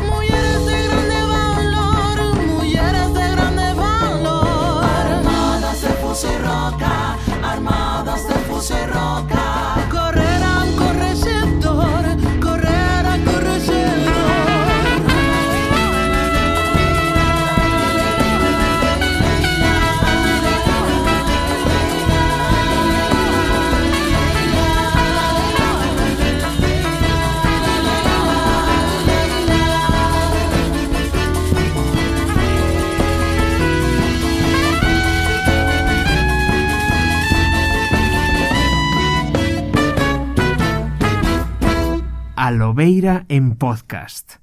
Eu noto moito polas mañás porque aquí na casa eh, está, hai dous bandos. Estamos os que, bueno, hai que erguerse, non che apetece nada, pero pos un pé fora da cama e xa está, non? non? Entón levantámonos con bo xenio pola mañá. Estamos a Pecrecha, Pat, Pat, Patricia máis eu, que temos bo humor pola mañá. E logo están a Patricia Nai e Dani, que é a, a, a seguinte, que hai que eh, darlles unha tregua polas mañás para que desperten, non? Eso, entón, bueno, que despois cando despertan para diante como a todo o mundo, pero, bueno, son, eu creo que veo ritmos distintos, non? Cada quen. Que che iba a decir eu? Eh, preguntaron... Oh, mira, temos aquí, aquí non vexo moito, pero temos Vicos, Mai Cabraña, Sí, bueno, eh, eh, un saúdo moi grande a toda a xente que aínda, despois dunha hora e 18 minutos, seguides por aquí. É un, é un verdadeiro, para min é un verdadeiro honor eh, eh, ter tanta miña cuñada. xente boa por aquí. Esa era a miña cuñada, Prada 72 Bicos, cuñada. ben, eh, de, preguntámonos está, tamén... En Málaga, voltaría... eh, estarnos escoitando. Jolín, pois pues mira pa aí. Sí. Bueno, en Estados. Unidos, a ver, ollo, eh. Ah, efectivamente. Isto é xa internacional, non? Xa che digo. Eh, de, mm, preguntábanos tamén, Bea do Casabella, se, se voltarán as actuacións con Xavier Dei. Eh, supoño, non sei, o mundo dá moitas voltas. Para min foi é que fixemos moito traballo xuntos, eh? Eu creo que estivemos durante uns anos, fix... a parte de Matalobos, que traballamos todos os capítulos de Matalobos prácticamente xuntos, eh, e temos aquí unha argentina, Marcela, eh, de Argentina tamén, que eh, de, despois de traballar tantos anos en Matalobos fixemos gaivotas subterráneas e creo que entre, en varios espectáculos fixemos por riba de 250 actuacións, máis eh, todos os meses de ensaio. Entón eu creo que, que nos viamos máis ca a familia. sí, sí. E para, para min é un tipo ao que lle teño un profundísimo cariño, é medio irmán. Eh, paseino moi ben con el, eh, aportou moito na miña vida, querémonos moito. Bueno, eu quero lle moito el e eu creo que el tamén me quere moito a mí. Hai, hai amigos así, verdade? Hai amigos que unha topa que son que rematan sendo como se foran da familia, prácticamente. Eh, esa familia non elegida, esa familia efectivamente, elegida, ¿no? que está por riba da familia, sí, dito isto con todo o respeto, veces, pero están veces. por riba da familia, sí, sí. Que sí. te dicir eu, cando, cando publiquei a imaxe, no, a miniatura da, da conversa, o mércores, uh -huh eh, unha compañeira miña, Carol, dixo, que guapo es. No, puxo o, o comentario, que guapo es este hombre. E fíxome moita gracia porque estaba coa muller na, no salón, no? E digolle, mira o que pon Carolina, da non sei que. E dixo, é que é guapo. díxome, díxome Lucía a min, no? Díxome, é que é guapo. Dixo, ainda que, que se lle vai facer? Dixo, ainda que eu quedome con Xavier David. Sí, Isto, sí, sí, a miña claro. Lucía, a miña Lucía sí, é máis sí. de é máis de Xavier, é máis de Xavier. Sí, sí, sí, tiña, eu creo que eh, a ver, Xavier é, é máis novo que a min. Eh, éramos unha unha parella mm, rara, complementábamos moi ben, tiñamos aí puntos moi extraños, non? Eu xa che digo, a, a min Xavier que me aportou moito. Foi unha época de, de eh, que sepan que se viene tintura e botox para Luis. para método. método criminal. pois eh, foi unha época que eh, entrábamos na, na crise pasada, non? Eh, mira que eu fago cousas, dobraxe e tal, non sei que, e, e de, de súpeto mirabas para o horizonte e non había traballo, nada. Que isto é moi noso, moi da, do noso traballo, non? Eh, sí. Collín un pouquiño de medo. E un día dixenlle, eh, tiñamos unha xuntanza con xente que, que eran moi fans de Matalobos, e, eh, e bueno, estábamos na, na xuntanza e, e propuxéronme facer un monólogo, dixen, sabes que acabame de propoñer un monólogo e non está mal o tema, e puxémonos a facer iso. E axudoume moito esa filosofía roqueira que el ten, sabes, de... Eh, porque eu tiven a mellor a Esta, fortuna en plan, de... isto non escribas, que isto sacámolo cunha improvisación. No, máis, no, no, que despois eh, aí, aí somos moi iguales, somos moi maniáticos, repasábamos o texto todos os días, todo o texto da peza, e a veces dúas veces, se levábamos un mes en facela, repasábamosla dúas veces, que eso sí, non sí. o fai todo o mundo no teatro, non? No, vamos. Nos éramos moi, sí, sí, nos éramos moi, moi cabezóns, nese sentido somos, buf, moi, moi tal, non? Eh, pero logo tiñamos temos puntos moi distintos e, e tamén pasábanos un pouco con isto, non? Que había moita xente que, que o, o, o rol máis eh, máis malo pillastre rockarillo, rockerillo, por chamarlle de algún xeito, molaballe máis que mellor un pouco meu, non? Que eh, máis vacilón, non sei, non sei como explicarme, non, non sei como que, que, que en que sitio poñerme, non? Pero bueno, que sí, que, esa, que era, unha, era unha compensación moi chula. Cando traballábamos tamén, eu era moito de improvisar. Eu ah, recordo que as primeiras funcións que fixemos de, de sede de mal, mirábame cunha cara de mala hostia Xavier, como que dicindo, vas deixar de improvisar? Eh, ata... sí, sí, porque non lle molaba nada iso, sabes? El iba polo libro, el, e aparte que é un reloxo, é eh, perfecto, non?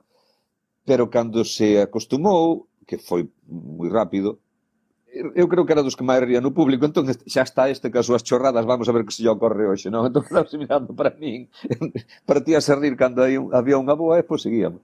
Isto comentaba eh, Paco de Lucía nun, no, no documental que lle fixo o fillo, uh -huh. no, no documental que lle fixo o fillo sobre el, despois de morto, montou un documental e tal, e comentaba Paco de Lucía que, que él era un guitarrista virtuoso, que él levaba a guitarra na sangue, ¿no? pero que tivo que viaxar a Estados Unidos e coñecer a Aldi Meola, un guitarrista de jazz, sí, para sí. aprender a improvisar, porque él non sabía improvisar. Claro. Mm. E decía que, claro, que as primeiras veces eh, o Aldi Meola decíalle, Paco, toca e sígueme, no? E claro, que a él lle custaba horrores porque non había peza escrita, él tiña que sacar da cabeza e que non tiña a cabeza preparada para iso e que as primeiras veces que o pasou moi mal, non? pero que unha vez que, que se soltou, de aí saleu o, o Saturday, Saturday Night in San Francisco, creo que é o, o, o disco que é brutal. É un uh -huh. disco que además tes unha guitarra en cada canal, unha guitarra na uh -huh. dereita, outra na esquerda e outra no centro. E se pos uns cascos, no, flipas, porque estás vendo o escenario, Asos, claro. fechas os ollos e estás vendo o escenario. No? Uh -huh. E é, é, é maravilloso escoitar iso. Eu, a min amosáramo sí. un amigo de Cádiz, no? pero No caso de Xavier non é eh, no caso de Xavier non é tanto, é dicir, Xavier cando se necesita improvisar en nunha eh, no teatro ou, ou no, nunha serie, vai sobrado, eh, a parte é moi bo. Mm. No, el pasáballe máis co humor, é, é porque ata que, bueno, era unha máquina que non probáramos. Entón, ata que iso se proba, e a minha que me mola moito, e, e creo que non o fago mal de todo, o contacto directo co público. Sabes, o, de aproveitar unha risa dali, un teléfono que soa, un... Entón, esas cousas, pero el ata que estivo ben amarrado era como, espérate, que despois ao mellor nos acordamos como volver, non? Sí. Pero cando se, cando se habituou, cando, pois pues, eh, nada, era unha, unha confianza cega un no outro, e era moi, moi divertido, acórdome como unha das mellores épocas eh, artísticamente da miña vida, sí. Con cal papel de todos os que levas feito, que levas uns poucos xa, eh, te quedas? o papel, que digas ti, este foi o meu papel. Non sei. a ver, eh, eu debolle moito a para mí, eu sempre digo que Matalobos foi un agasallo, non? Foi un agasallo porque era un papel brutal e pola, pola propia dinámica, porque foi unha serie onde nos tiñamos contacto directo cos, cos guionistas. Por exemplo, eh, conto isto, eh, Os Matalobos, en Matalobos, non, non eran os protagonistas cando empezou a serie. Eran un 50% da serie, o outro 50% era, era a, Garda, Civil. a Garda Civil. Levábamos 12 capítulos feitos e chamábanos o Dream Team a, a Xavier Deive, Dani Curras e, e eu. Foi unha conxunción brutal dentro do primeiro día, eh? E non traballábamos nunca antes xuntos, pero foi brutal, era divertidísimo traballar con eles.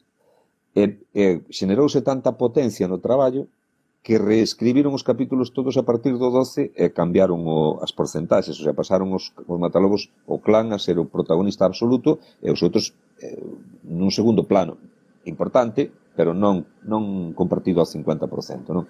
E, e isto ou, ou de repente metías eh, entre líneas, ou mellor, o humor eh, eu metinlle humor, ten, o que pasa que ao mellor nos alongamos, pero tá, hai unha anécdota de por que empecé a meter o humor a Carmelo, non? Foi unha situación un pouco complicada que se deu en plató, eu resolvino con humor e aí quedou.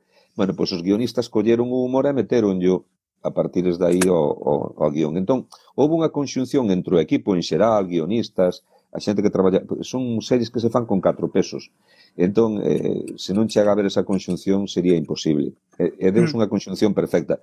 Pero, por exemplo, acabamos de facer método criminal co mesmo equipo prácticamente, eu pasei no como un anano. Disfrutei muitísimo. sí, sí, moito, moito. Mira. E hai, hai secuencias aí que para min como actor eu creo que son un agasallo por parte dos guionistas. É dicir, é, é destas de, estas bonas facer poucas veces na miña vida. Eres seriéfilo, Luis? Sí, pero... Pasouche, o sea, sí. pasouche unha... A min pasoume unha cousa, voucho contar e a ver que che parece a ti. Eu eh, cadrou que cando comezamos a ver Matalobos na Lobeira, comezamos a ver Lucía Maseu, vimos la anteiriña toda, vale, co, co hype que eso supón cada, sabes, isto de cada semana un capítulo é unha cousa que agora a xente con Netflix non entende, pero pero pero ese, ese, esa ansiedade que che iba entrando a, ao longo da semana ata que chegaba o día de, do novo capítulo de, de mm. Matalobos e tal, pasábalo así un pouco, ai dios, como me tarda, que como me deixan así e tal, non?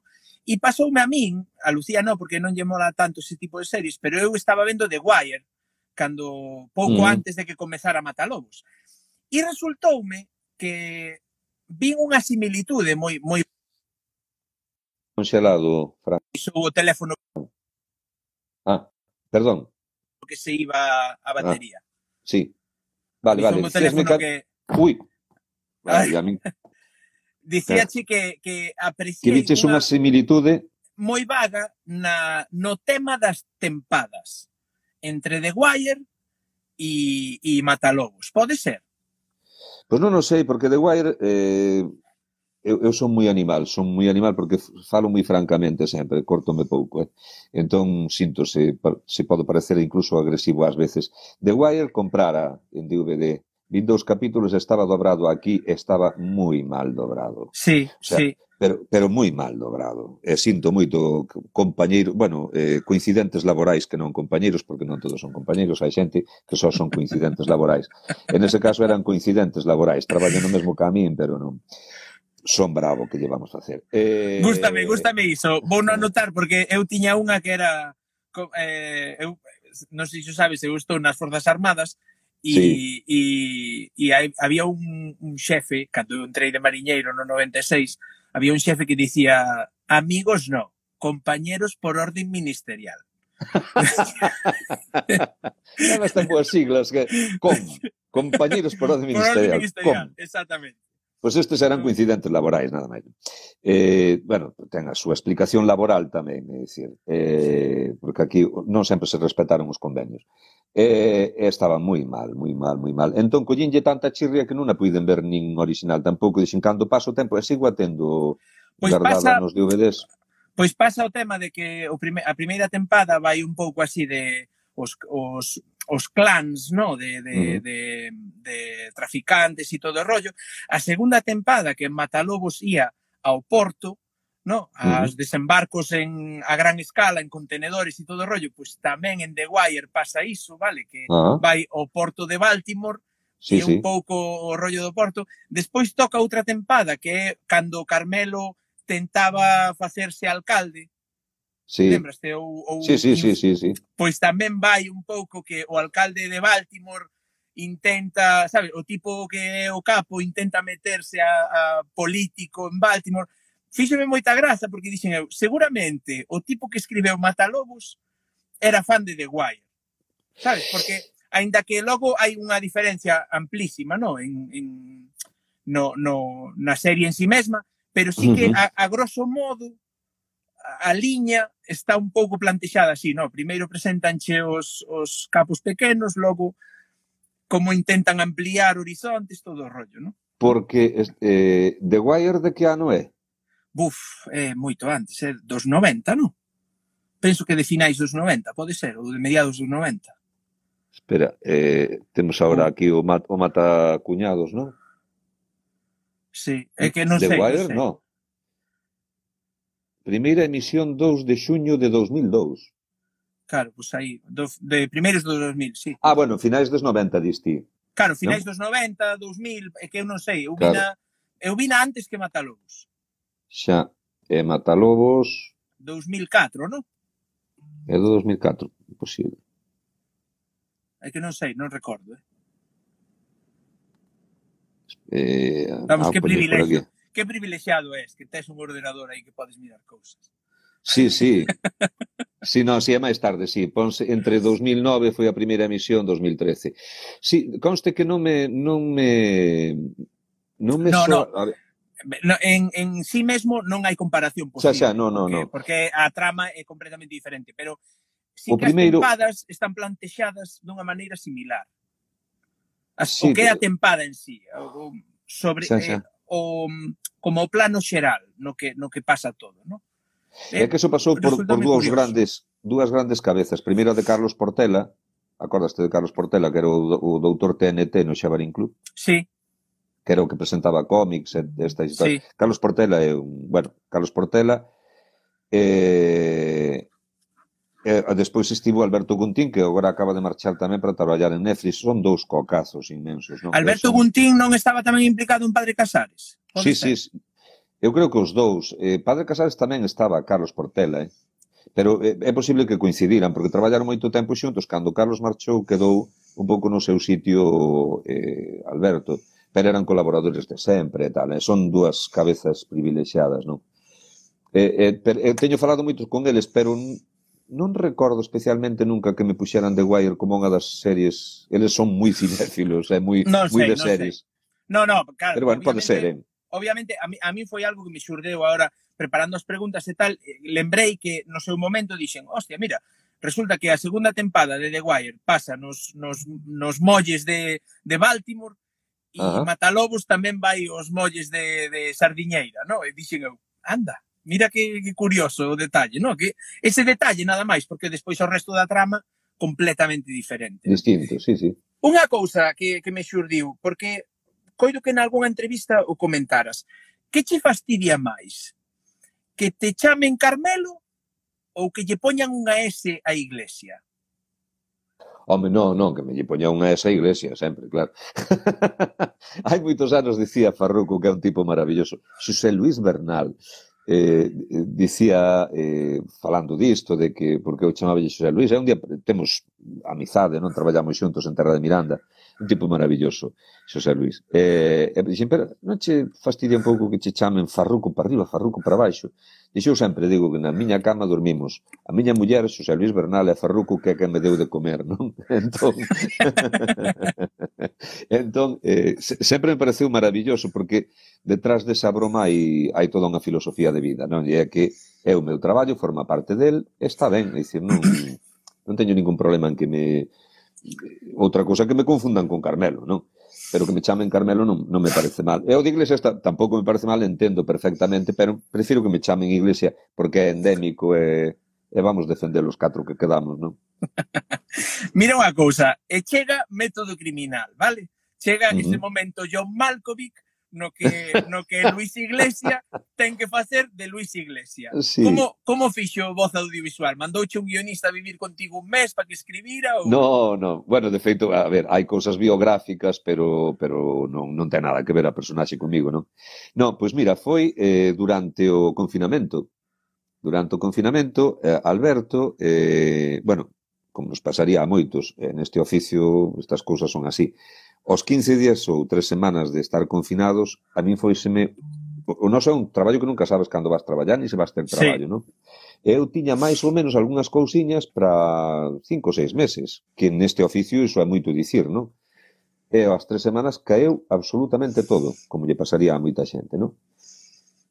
Entón, eh, sí é certo que teño unha filosofía de vida un pouco tranquila, eh, Decidín deixar de escutar noticias aos 15 días, dixen esta xente non ten nin idea de que temos diante, estános mareando, estános comendo o tarro, e non vou deixar que mo coman. Entón, vou escutar algo, as noticias todos os días, pero un anaquiño pequeno, non... Sí, non Xa caer nese... Estar... Eh, non, non, non, porque notei que entrábamos todos nesa, nesa loucura, non? E entón puxeme pois, a facer cousas que tiña pendentes, pois escribir, e, e ler, e, bueno, pois xa que teño que estar aquí, intentar disfrutalo da mellor maneira posible. E outra foi, eu podo facer algo, se está me caendo o traballo, teño algo que eu poida facer, que estea na miña man. Se non teño nada que facer, pois esperar, porque non me queda outra tampouco, non? Entón mm. intentei colaborar, pois, como fa, facíamos todos, non? É dicir, pois, vamos facer sí. unha canción entre 20 e imos e pois eh, nunha residencia de anciáns que me pediron unha colaboración, pois unha colaboración, estas cousas que, que facías. Sí. Eh, esperar. En esa espera saiume un casting para, para unha serie en Madrid eh, e chamoume Alberto un día, contoume esta historia. Dixo, mira, teño unha idea na cabeza. A ver que che parece, porque estás implicado. E cando me contou, parece maravilloso. Gustache, si, sí. Dixo, a ver, ollo porque, a ver, imos utilizar o teu nome, indan que non es ti, si vas vai ser o teu nome e vais a falar como que é a túa vida, non? Xe non teño problema ningún. E despois deime conta de que si hai... Eh, moitas veces hai un amigo que di ti escribiche o guión porque hai parlamentos que mm, poderían ser perfectamente meus, non? De, de opinión moito, sobre a vida. Gústame moito, teño que recoñecer que aínda non a vin completa, vale? O que, o que hai. Pero gústame moito no primeiro a, a, o cabreo magnánimo este na, na terraza, encantoume, encantoume porque dixen eu, Dios, canto de verdade haberá aí? Porque, porque pues realmente, bastante. realmente, realmente soa, soa moi interiorizado. Vouche contar unha cousa, eu non non estaría de acordo que a letra non, te, non lle teño manía a xente que fai exercicio físico, nin que teñen abdominales potentes, non, non é certo, non? Albondigales, porque... chamolle sempre. Como? Albondigales. no meu caso. Entre outras cousas, Porque eu cando fixen Matalobos estaba sí, señor, sí, moi mazas. A, a tono. Sí, e sabes por qué? Porque cando empecé, empezaron a falar de Matalobos catro meses antes ou así, fixen o casting e tal, e eu dicía, é un tipo tan desagradable que ten que resultar atractivo. É dicir, ese tío, cando quite a camiseta, ten que ter abdominais para ben marcadiños, non? Porque senón, eh, o sea, se encima ten male a apariencia física, vai ser un tipo absolutamente deleznable, non? E metinme, sí. tiña xinasio na casa, eran 4, 5 días a semana, 4 horas de xinasio. O sea, Eso contaba yo a Alex no, no programa. Sí. Pois, pues, eh, sí, porque máis foi ao meu xinasio, Alex, o que tiña daquela. Bueno, pois, eh, que iba a contar eu? Ah, eh, porque, porque xa empezo como aos vellos, que se me vai o fío. No, saleu, saleu polo rollo da, da, da, da encendida ah, sí, que sí. na serie. Pois, pues, Mira, isto porque temos hai moitas cosas que son conversas que eu tiven con Alberto e con algún guionista máis, non? Falando da, da vida, do noso medio, de tal. Eh, xa estaba escrita a secuencia, xa estaban entregados os guións, e como 15 días antes de, de facer esa secuencia, tiven un problema en Madrid nun, nunha secuencia. Eu estaba cun rapaz moi novo, eh, estábamos ensayando unha, unha secuencia, en, de, antes xusto o último ensaio antes da grabación, vai o tipo e méteme unha do revés. Cruzou unha cara. Iso no noso oficio, é dicir, nin o marcaba o guión, nin estaba pactado, nin viña a conto de nada, nin a directora naquel caso nos dixera que... Entón, iso é unha falta de respeto, pero descomunal. Mm.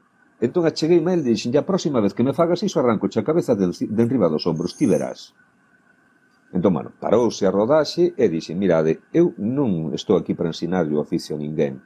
Se eu non me vou meter na calidade deste actor, se o fai mellor ou peor, pero no, no respeto en como teñen que ser as relacións, por suposto que sí. Isto é unha falta de respeto, é dicir, iso non se lle ocorre a ninguén de primeiro de, de parvuliños de, de interpretación. Como lle vas cruzar a cara a un compañeiro sen pactalo? Estamos tolos. Entón, pasa que hai de todo, eh? non, non, non se pode generalizar, que é unha barbaridade, pero pasa en moita xente nova que chega a este oficio un pouco porque somos guapos, porque vimos de facer unha serie que mm, arrasa entre xente da túa quinta, do, da, da quinta deles, non? Eh, son, eh, son, son guapos que rompen, eh? o sea, de, do guapos que son. Sí. Pero teñen pouco oficio, pouca profesión, non? Entón, cometen erros dese estilo que, que te, dis, non, tío, porque eu cando aprendín, primeiro, terás un problema de, de mala educación na casa, isto tiñencho que ter ensinado na casa, que é o respeto polos demais, en calquer ámbito da túa vida. Sí. E logo, alguén che tiña que ter ensinado o respeto neste oficio, e eu non son o profe de ninguén, eh? Eu son un compañeiro como a ti, ao que tes que respetar igual que te respeto a ti. Entón viña cargado con iso, de maneira que cando tiven que facer a secuencia, bueno, non, non houve ni que ensaiala, dix, tira para diante, veña, rodar, ademais botábase nos, só se puido facer dúas tomas, creo que foi, porque se nos botaba a noite en riba, non sí, a noite en riba, pero que eu viña cara a ela, e que realmente ela estaba, eu penso que, que parte da sonrisa salía lle sola, porque que, porque que era auténtico, é dicir, sí, sí. fíxeme moita gracia iso, no, que a encendida foi en plan, mira, por que isto está... hai, hai quen era? Eh, eh eu, hai por aí un vídeo en, en YouTube. Antes preguntábame por YouTube. Eu utilizo muitísimo YouTube, pero para, sobre todo para consultar eh, tutoriais de cousas. Tal, non? Sí, sí que vexo moitas cousas. Eh, pero non canles eh, concretas. Vexo moitas cousas. E a veces, sabes, a propio YouTube que che recomenda sí. cando ves moitos vídeos de a voz eh, en Inglaterra, pois pues, despois eh, recomendacho e tal, pero nada específico.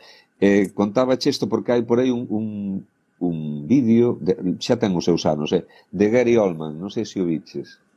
Boísimo, pues, que o tío... Posiblemente, está, sí. Está falando á cámara, Entón conta, dice, bueno, eu estudei en tal sitio, teño esta, está nunha cancha de baloncesto, e ten un balón de baloncesto nas mans, non? Eu, eu fixen estes estudos, teño formación en tal, estudei aquí, pop, ten un currículum de preparación brutal. Gary Oldman, y, Gary Oldman, San y, Gary Oldman. Sí. Non? E eh, dice, entón, empeza o tipo a quentarse, non? Dice, e revéntame que haxa tipos que polo feito de ser verdadeiras máquinas metendo balóns nunha canasta pensen que tamén poden ser actores porque non, señor, un actor non pode ser colle un cabreo descomunal diante da cámara e, e tira o, o, o balón de baloncesto contra a canastra así de calquera maneira non encesta entón mira, dice, ves, Claro, é dicir, eu non sirvo para facer, eu non sirvo para facer iso, non non non adestrei para facer iso. Non te metas ti no meu, polo menos non te non presumas, non pensas que si claro que calquera pode ser actor, pero non non veñas pisándome, non? Si, sí, é un pouco é un pouco eh, hai a contra que é o, o síndrome do impostor, non? Que que unhas veces algunhas veces pois un se sinte, eu que sei, eu por por por titoriais e por autoformación, non? Mais que nada, pois eh, eh, aprendí moitas cousas de edición de vídeo, pero por outro lado, dame, molaríame moito facer un tutorial de edición de vídeo, pero por outro lado digo, pero quen és ti para ensinarlle a editar vídeo a ninguén si non tes nada que te avale como dicir Ben, nin sequera, eh. nin sequera a mitad das cousas que vas dicir as aplicas nos teus vídeos. É dicir, eu cando edito son moi chapuceiro, non, a veces, non. Prefiro editar rápido que non editar ben moitas veces prefiro poñer o contido, eh, aínda que seña un pouquiño mal, vale, un pouquiño uh -huh. deixado en algún ámbito, non no audio, falaremos diso agora, pero pero prefiro iso que que que non dicía meu pai, cando se intenta mellorar o, o bon, o máis posible que se rompa. E, e neste aspecto pasa pasa iso, non? Pero, pero Permítesme que che dea outra, outra, outro punto de vista eh, que ten que ver co, co que estás sí, sí, dicindo. Eu, eu estou últimamente, teño un home studio, eso que se lle chama agora un home studio, pero teño material incluso bastante bon, é dicir, teño un moi bon micro, porque eu cando facíamos directos traballaba con Neumann, é dicir, que é, un, é o Rolls dos micros, non? E de, de, de condensador e tal, e teño ganas de facer cousas, eh, non, non sei que aínda exacta, sei que, pero bueno, ainda, Porque, porque hai no digas, que, no digas. No, no pero sei no que hai cousas que se me dan ben, non? Que hai cousas, hai cousas que digo isto sei no facer, non? Eh, eh, entón teño teño ganas de facer e non que sexa para mí para metelo nunha gaveta, pero teño teño ganas de traballar. Entón, son de audio. Eu por formación controlo moito de audio como narrador, como actor, pero non do lado da, do outro lado da peixeira, non? Sei, porque porque che soa. Entón estou me metendo en moitos tutoriais para aprender a comprimir, para aprender a, a ecualizar, non sei que, non sei canto, vale. Vou facer unha cousa, deixame un momento, porque sí, isto claro. acabame de dicir que me queda un 10% de batería, entón, agora, vai empeorar o audio, pero é o que temos que facer porque escoitasme, verdad? Perfectamente, incluso mellor. Vale, é que eu non sei Síguesme escoitando. Perfecto, sí. E eu a ti tamén. Pois vámonos deixar neste novo plano. Vale. Porque porque senón isto isto acabábase a batería e dame moita rabia que se acabe a batería. Entón, Contame, tes un pois estudio, pues dicíache que, un home studio. Un, un, sí, entón estou empezando a, a, a traballar desde esa perspectiva de, bueno, aprende, aparte que para min é como un videoxogo, paso moi ben, non? Eh, estudando como se, bueno, o compresor, o limitador, o como se ecualiza. Baixo. Sí, sí, os, as ecualizacións, que bueno, pareceme que é todo un mundo maravilloso. Entón vexo moitos eh, tutoriais en, en YouTube e non os non, me, non che chegan sempre o da xente máis preparada. Ás veces hai tutoriais explicados dunha maneira moi básica, pero acabo de entendelo. Viches catro tutoriais sobre a, a compresión, por exemplo, que non é un concepto doado. No. O sea, entender os parámetros da compresión a mí pareceme complexo, non? E vin varios de xente moi boa, de, de, de, de enxeñeiros de son, e técnicos moi especializados. Eu entendía, pero non daba ah, non daba claro, así do... Quizáis, quizáis eses son moi bons para xente que xa sabe. Efectivamente. Entón, pero seguramente... Falta, se... falta o, o que facía ti... este para dummies, non? O, o... Sí, exacto, exacto. Entón, que seguro que se ti faz un, un, un, un tutorial sobre montaxe, enfrontas os teus propios problemas, non? Sí, Outro obviamente. día Eh, bueno, escuitei, por exemplo, a conversa co Jato Cósmico, con, con Miguel, que me parece un tipo fascinante, non? Para a idade que ten, maravilloso. El, el Unha cabeza moi amueblada, eh? Moi, moito, moito, alucinei, porque ten 17, non? Ahora terá 18 xa. 18, claro. Hai un ano. Maravilloso. Ben, pois, pues, acórdome que tiñades un... Falaba desde que el montaba co móvil. Entón ti dicías, sí, pero é que hai boas aplicacións para o móvil e tal. É dicir, xente de xente nova que está todo o día metida nas redes que, que se manexa ben e que de repente fai falta que alguén fai falta, bueno, entendesme, que alguén lle diga, oi, pero que tes sí. unha aplicación moi boa para o móvil ou por que non sí. probas isto? Porque cando eu empecé tiven este problema e resolvino así. Sí, e iso tes que ser ti. Pasoume mirando, eh, eu estaba tendo un problema, eu teño todo, son non, non, non levo unha mazá tatuada, pero son moi fan da mazá. Vale, non, non son fanboy, pero, pero sí que é certo que valoro moito a estabilidade e todo, como sí, funciona sí. o tema da maza, non? Pois o, o ordenador co que dito, o portátil, é, é un MacBook Pro. Uh -huh. E pasoume que, que estaba, enten, estaba tentando compartir pantalla en Twitch, nos meus directos, que son un pouco así máis anodino, máis tranquilo, non? Pola noite e tal, e non era quen, e non era quen, e non era quen, e non era quen, e busca, busca, busca, e buscaba, e atopaba xente que che dicía tes que entrar no kernel, ir á máquina, facer este comando, non sei que. Dicía, pero que non pode ser tan complicado. Como fai a xente que ten Mac para compartir a mm. pantalla, non? E busca, busca, busca, e dixen eu, paro de buscar en castelán e vou no buscar en inglés. E busquei non en inglés, non? Share, share, uh, share screen with, uh, with uh, Streamlabs, bla, bla, bla. E sale un tipo inglés de Londres eh, con 235 seguidores, vale? Que, que, que dicía, no, tes que ir aquí a, a, imagínate, tes que ir a axustes, pantalla, e na lista desplegable esta, abaixo de todo, pon compartir pantalla. Pois tes que activar o tic do programa co que queres compartir pantalla, e dicía eu. En serio? É dicir, era tan doado xa. Que, que, que ninguén se paraba a mirar aí todo o mundo claro. buscaba, no, pues se non deixa ten que ser un rollo da máquina, entraban nas tripas, tal, e resulta que o propio o propio é como o de o de gravar pantalla do do móvil, no, pois igual. Uh -huh. Era unha cousa así, tiñas que activalo, tiñas que deixarlle gravar a pantalla, senón non a gravaba. E, e, e no momento deu un ataque de risa Xa. Cando, cando din co rollo, empecé a rir, que me tiven que tirar na cama, ríndome, Porque que dicía eu, como eres tan burro de non no. ir ao básico primeiro e meterte, sabes? É como que eu que sei, como que tenta facer eh, cemento na casa, sabes? En vez de ir mercalo, pois pues, unha cousa así. Xa, pero é que ninguén naceu aprendido, entón... No, no, claro. Eh, claro, eh, eh, eu, por exemplo, tamén comprei un MacBook Pro de, de, destes... Eh, pepino, pepino. Reacondicionado para para ah, para sí, para, do, do sí. refurbish deste que vende. Sí, sí. Que o mercado sí, porque... na, na, ali no mercado, en Coruña? No, no, ah, a merquei no... No, merquei no online. Online? Sí. Sabes que sí, pero... unha tenda autorizada Apple en Coruña? Sei, sí, no, sí, sí, sí. Sí, pero a, ten moi poucas cousas. Mire, iso, iso tamén. No, ¿eh? pero a, a xeito de reparación tes dúas. Tes unha subindo para, para as baterías. Sí, sí, con, conozo as dúas. Unha teña... Que, que reparan sí. e hai outra abaixo no mercado, onde era o mercado. Si, teño unha aquí pegada a casa. Si, no, pero este en concreto eh, quería un que tivese bastante RAM para... Sí. E quería un modelo, que non, non quería meter un pastón, eh, quería un modelo que aínda fose dos que se lle puidasen abrir as tripas. Tiña que ser un modelo do 2014 como moi tope.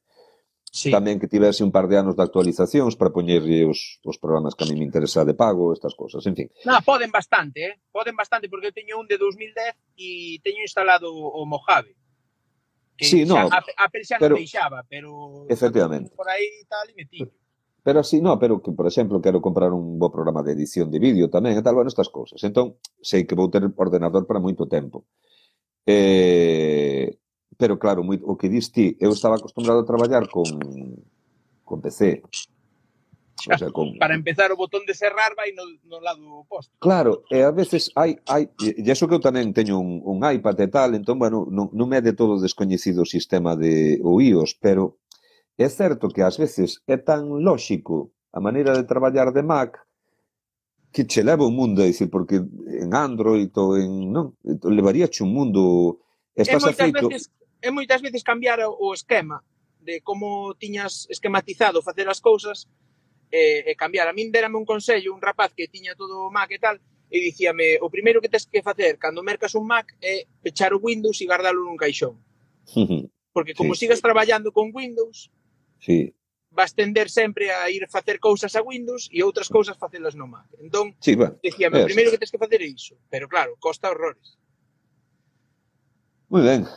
Bueno, Luis, foi un verdadeiro placer e un, e un mesmo honor. Eh, Nada. conversar, mandar esta conversa de casi dúas horas, a ver quen escoita isto inteiro. Vamos, vai haber que darlle un premio o que chegue ata aquí. Bueno, por aí Laurilla me parece que debe estar a piques, por certo, de dar a luz. Dixo que marchaba aí unha, un anaquiño, vino por aí. e nada, que moitas grazas a todos por escoitarnos, non? E espero que polo menos que, que os entretivésemos un, un anaco. Sí, moitas grazas deixa, por... Deixasme dicir unha cousa? Sí, por suposto. Mira, eh, é que de, de, de moitas conversas que tedes, eh, o que che dicía antes, co, co tema da lingua, que a mellor, isto merece que un día falemos tamén á parte, non? Pero eh, hai, hai, hai algunhas cosas onde eu matizaría. Entón, que é o que quere calquera galego falante comprometido? Que é o que quere? que a xente fale galego. galego en calquera, sí. Efectivamente, a que os outros falen galego, non? Sí. Para iso, hai que eh, eu defendo isto dende hai moito tempo, hai que ser atractivos. Temos que chamar a xente porque lle resulte atractivo falar como a ti, non pola belixerancia. Entón, nós que vivimos nun país de minifundio e de marcos, e andamos sempre a movernos, deixemos de pelexar entre nós, que é unha estupidez. Entón, Eu non teño absolutamente nada que vou ter en contra do reintegracionismo, pareceme maravilloso. A RAC non é enemiga de ninguén. A, a, eu dicía yo outro día ás nenas, teño unha nena que é neofalante, pareceme que sodes verdadeiros heróis e heroínas. O sea, a miña nena é a única que fala galego no seu grupo, é dicir, toda, todo o seu entorno, eh? ten 16 anos, e decidiu hai un ano poñerse a falar galego. Pareceme que unha valentía e, e unha determinación brutal. Entón, eh, eu que quero que, que falen, eh, outro día explicaballes varias cousas. Unha, eh, é unha teoría miña dende hai moito tempo. Un coitelo sirve para comer, ou podes matar a unha persoa. O coitelo segue sendo o mesmo, que é o que converte un coitelo nunha ferramenta ou nunha arma o uso que lle das. Sí. Os idiomas son ferramentas, son ferramentas de coñecemento, son ferramentas de comunicación. Enfrentarse, utilizalos como armas, sexa un idioma ou outro, aparte dunha estulticia, dunha estupidez, é unha animalada que non nos podemos permitir. Sí. Creo eu, non? Entón, eu cando, fa, cando vou a Madrid falo en perfectísimo castelán. Perfectísimo. De feito, sempre me din, no pareces gallego. Pois pues lo soy hasta la médula. es que... Sí. Claro, dice, eu acordo unha vez dunha discusión con un tipo e dice, oye, é, é, eh, eh, eh, é raro, eh, porque tú cando hablas en castellano no tienes acento. E sin ti sí. O que te parece? Que esto non é acento, non? Claro. Entón, no, é dicir, e oxalá soubese falar inglés e chinés mandarín á perfección. Oxalá, non? E, e, e non pasa nada, é dicir, eu necesito polo traballo. E creo que que no meu traballo está ben saber falar o idioma que me pidan que fale, sabelo falar á perfección. Non pasa nada se falase, se me dedicase a outra cousa, e falase en castelán con acento, carayudo. Non, non ten que ver unha cousa ca outra, non? Sí. E, a RAC como, como, como institución a mí parece un mastodonte que a veces é moi lento na reacción, que non se implica socialmente, que, que non sabes moito ben. Pásame con eles, pásame a veces con... E teño xente moi querida en todas estas institucións. Un pouco eh? como todas as institucións grandes, non? Todas, todas. Pero de, explicaba yo outro día as nenas, calquer señor que ti atopes nun corredor da RAC é un sabio que ten un nivel de coñecementos que nos nin cheiraremos con respecto á nosa lingua. Entón, eh, eh, non, non, non, que, non, que por favor, non nos enfrontemos. Eh, eh, vamos quitar, creo que non é interesante que o interesante é que nos gustemos moito uns aos outros e que aprendamos moito uns dos outros. Eu teño moito que aprender dos reintegracionistas. Digo porque non é unha tendencia que eu entendo, tampouco me dediquei moito a, a, a estudala, pero respetos moito, entendo a súa filosofía e tal e mesmo respecto a moita xente que, sendo reintegracionista agocha, que é un mal galego falante. Porque eu coñín a moito, o sea, coñezo a moitos reintegracionistas que non saben diferenciar o oso do oso, pero que logo que me din, bon, vouche dicir que é inesquecível, non? O sea, a ver... Estame recordando a personaxe de Perdomo, a de... A de... a de, Mira, hai... Exe Perdomo non me quero liar, pero mira, hai moitos anos eh, estábamos nun debate eh, sobre o galego e o audiovisual. Ui, aí vai todo. Mira, xa me cae... Suicidouse. Ti sabes que me... Conto chesta. Eh, conto chesta.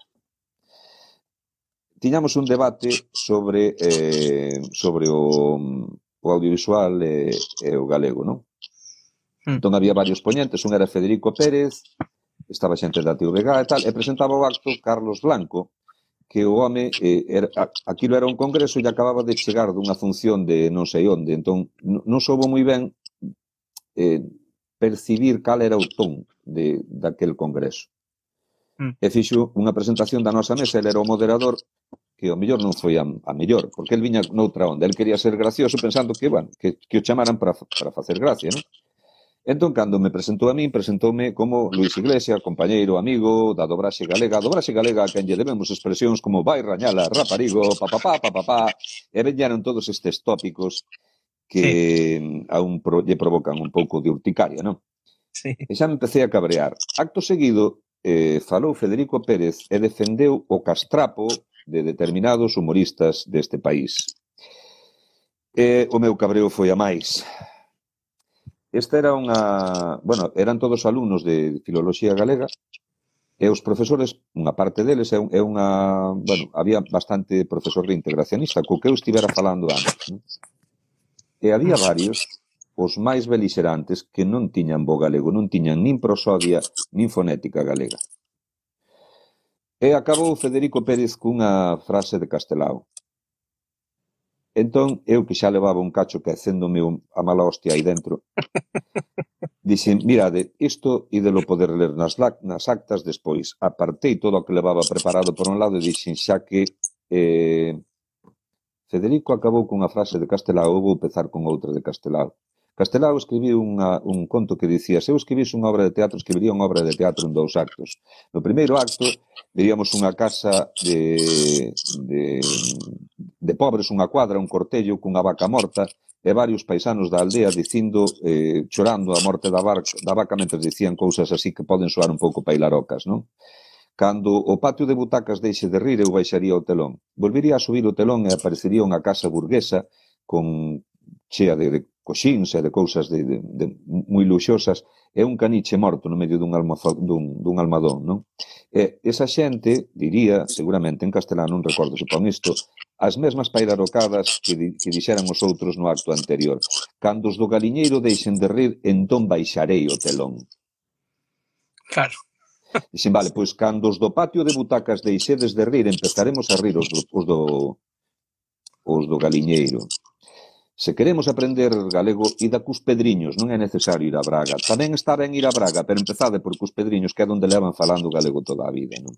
Mm. Entón, mm, esa, e, e, se, e se hai enemigos, se hai algún enemigo, son a xente que está deturpando o noso idioma e deturpando o noso ser, o mellor, pois facendo humor, o mellor, sí. entre outras cousas.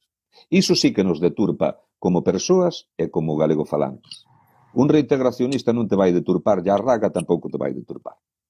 Non. Moi de acordo, moi de acordo. Eh, Dios, isto daría para outro directo, eh?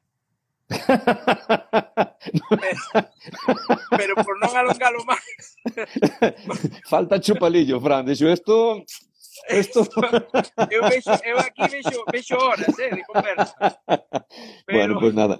Este, este é un país pequeno e temos moito moito ocasión sí, de facelo, sí. non te preocupes. Eh, jo, eh, de verdade que eh, son estas, estas cousas que, que lle fan a un pois adorar máis a unha persoa, se xa adoraba un pouco, e, e, e valorar moito a calidade humana eh, que neste caso ti tes.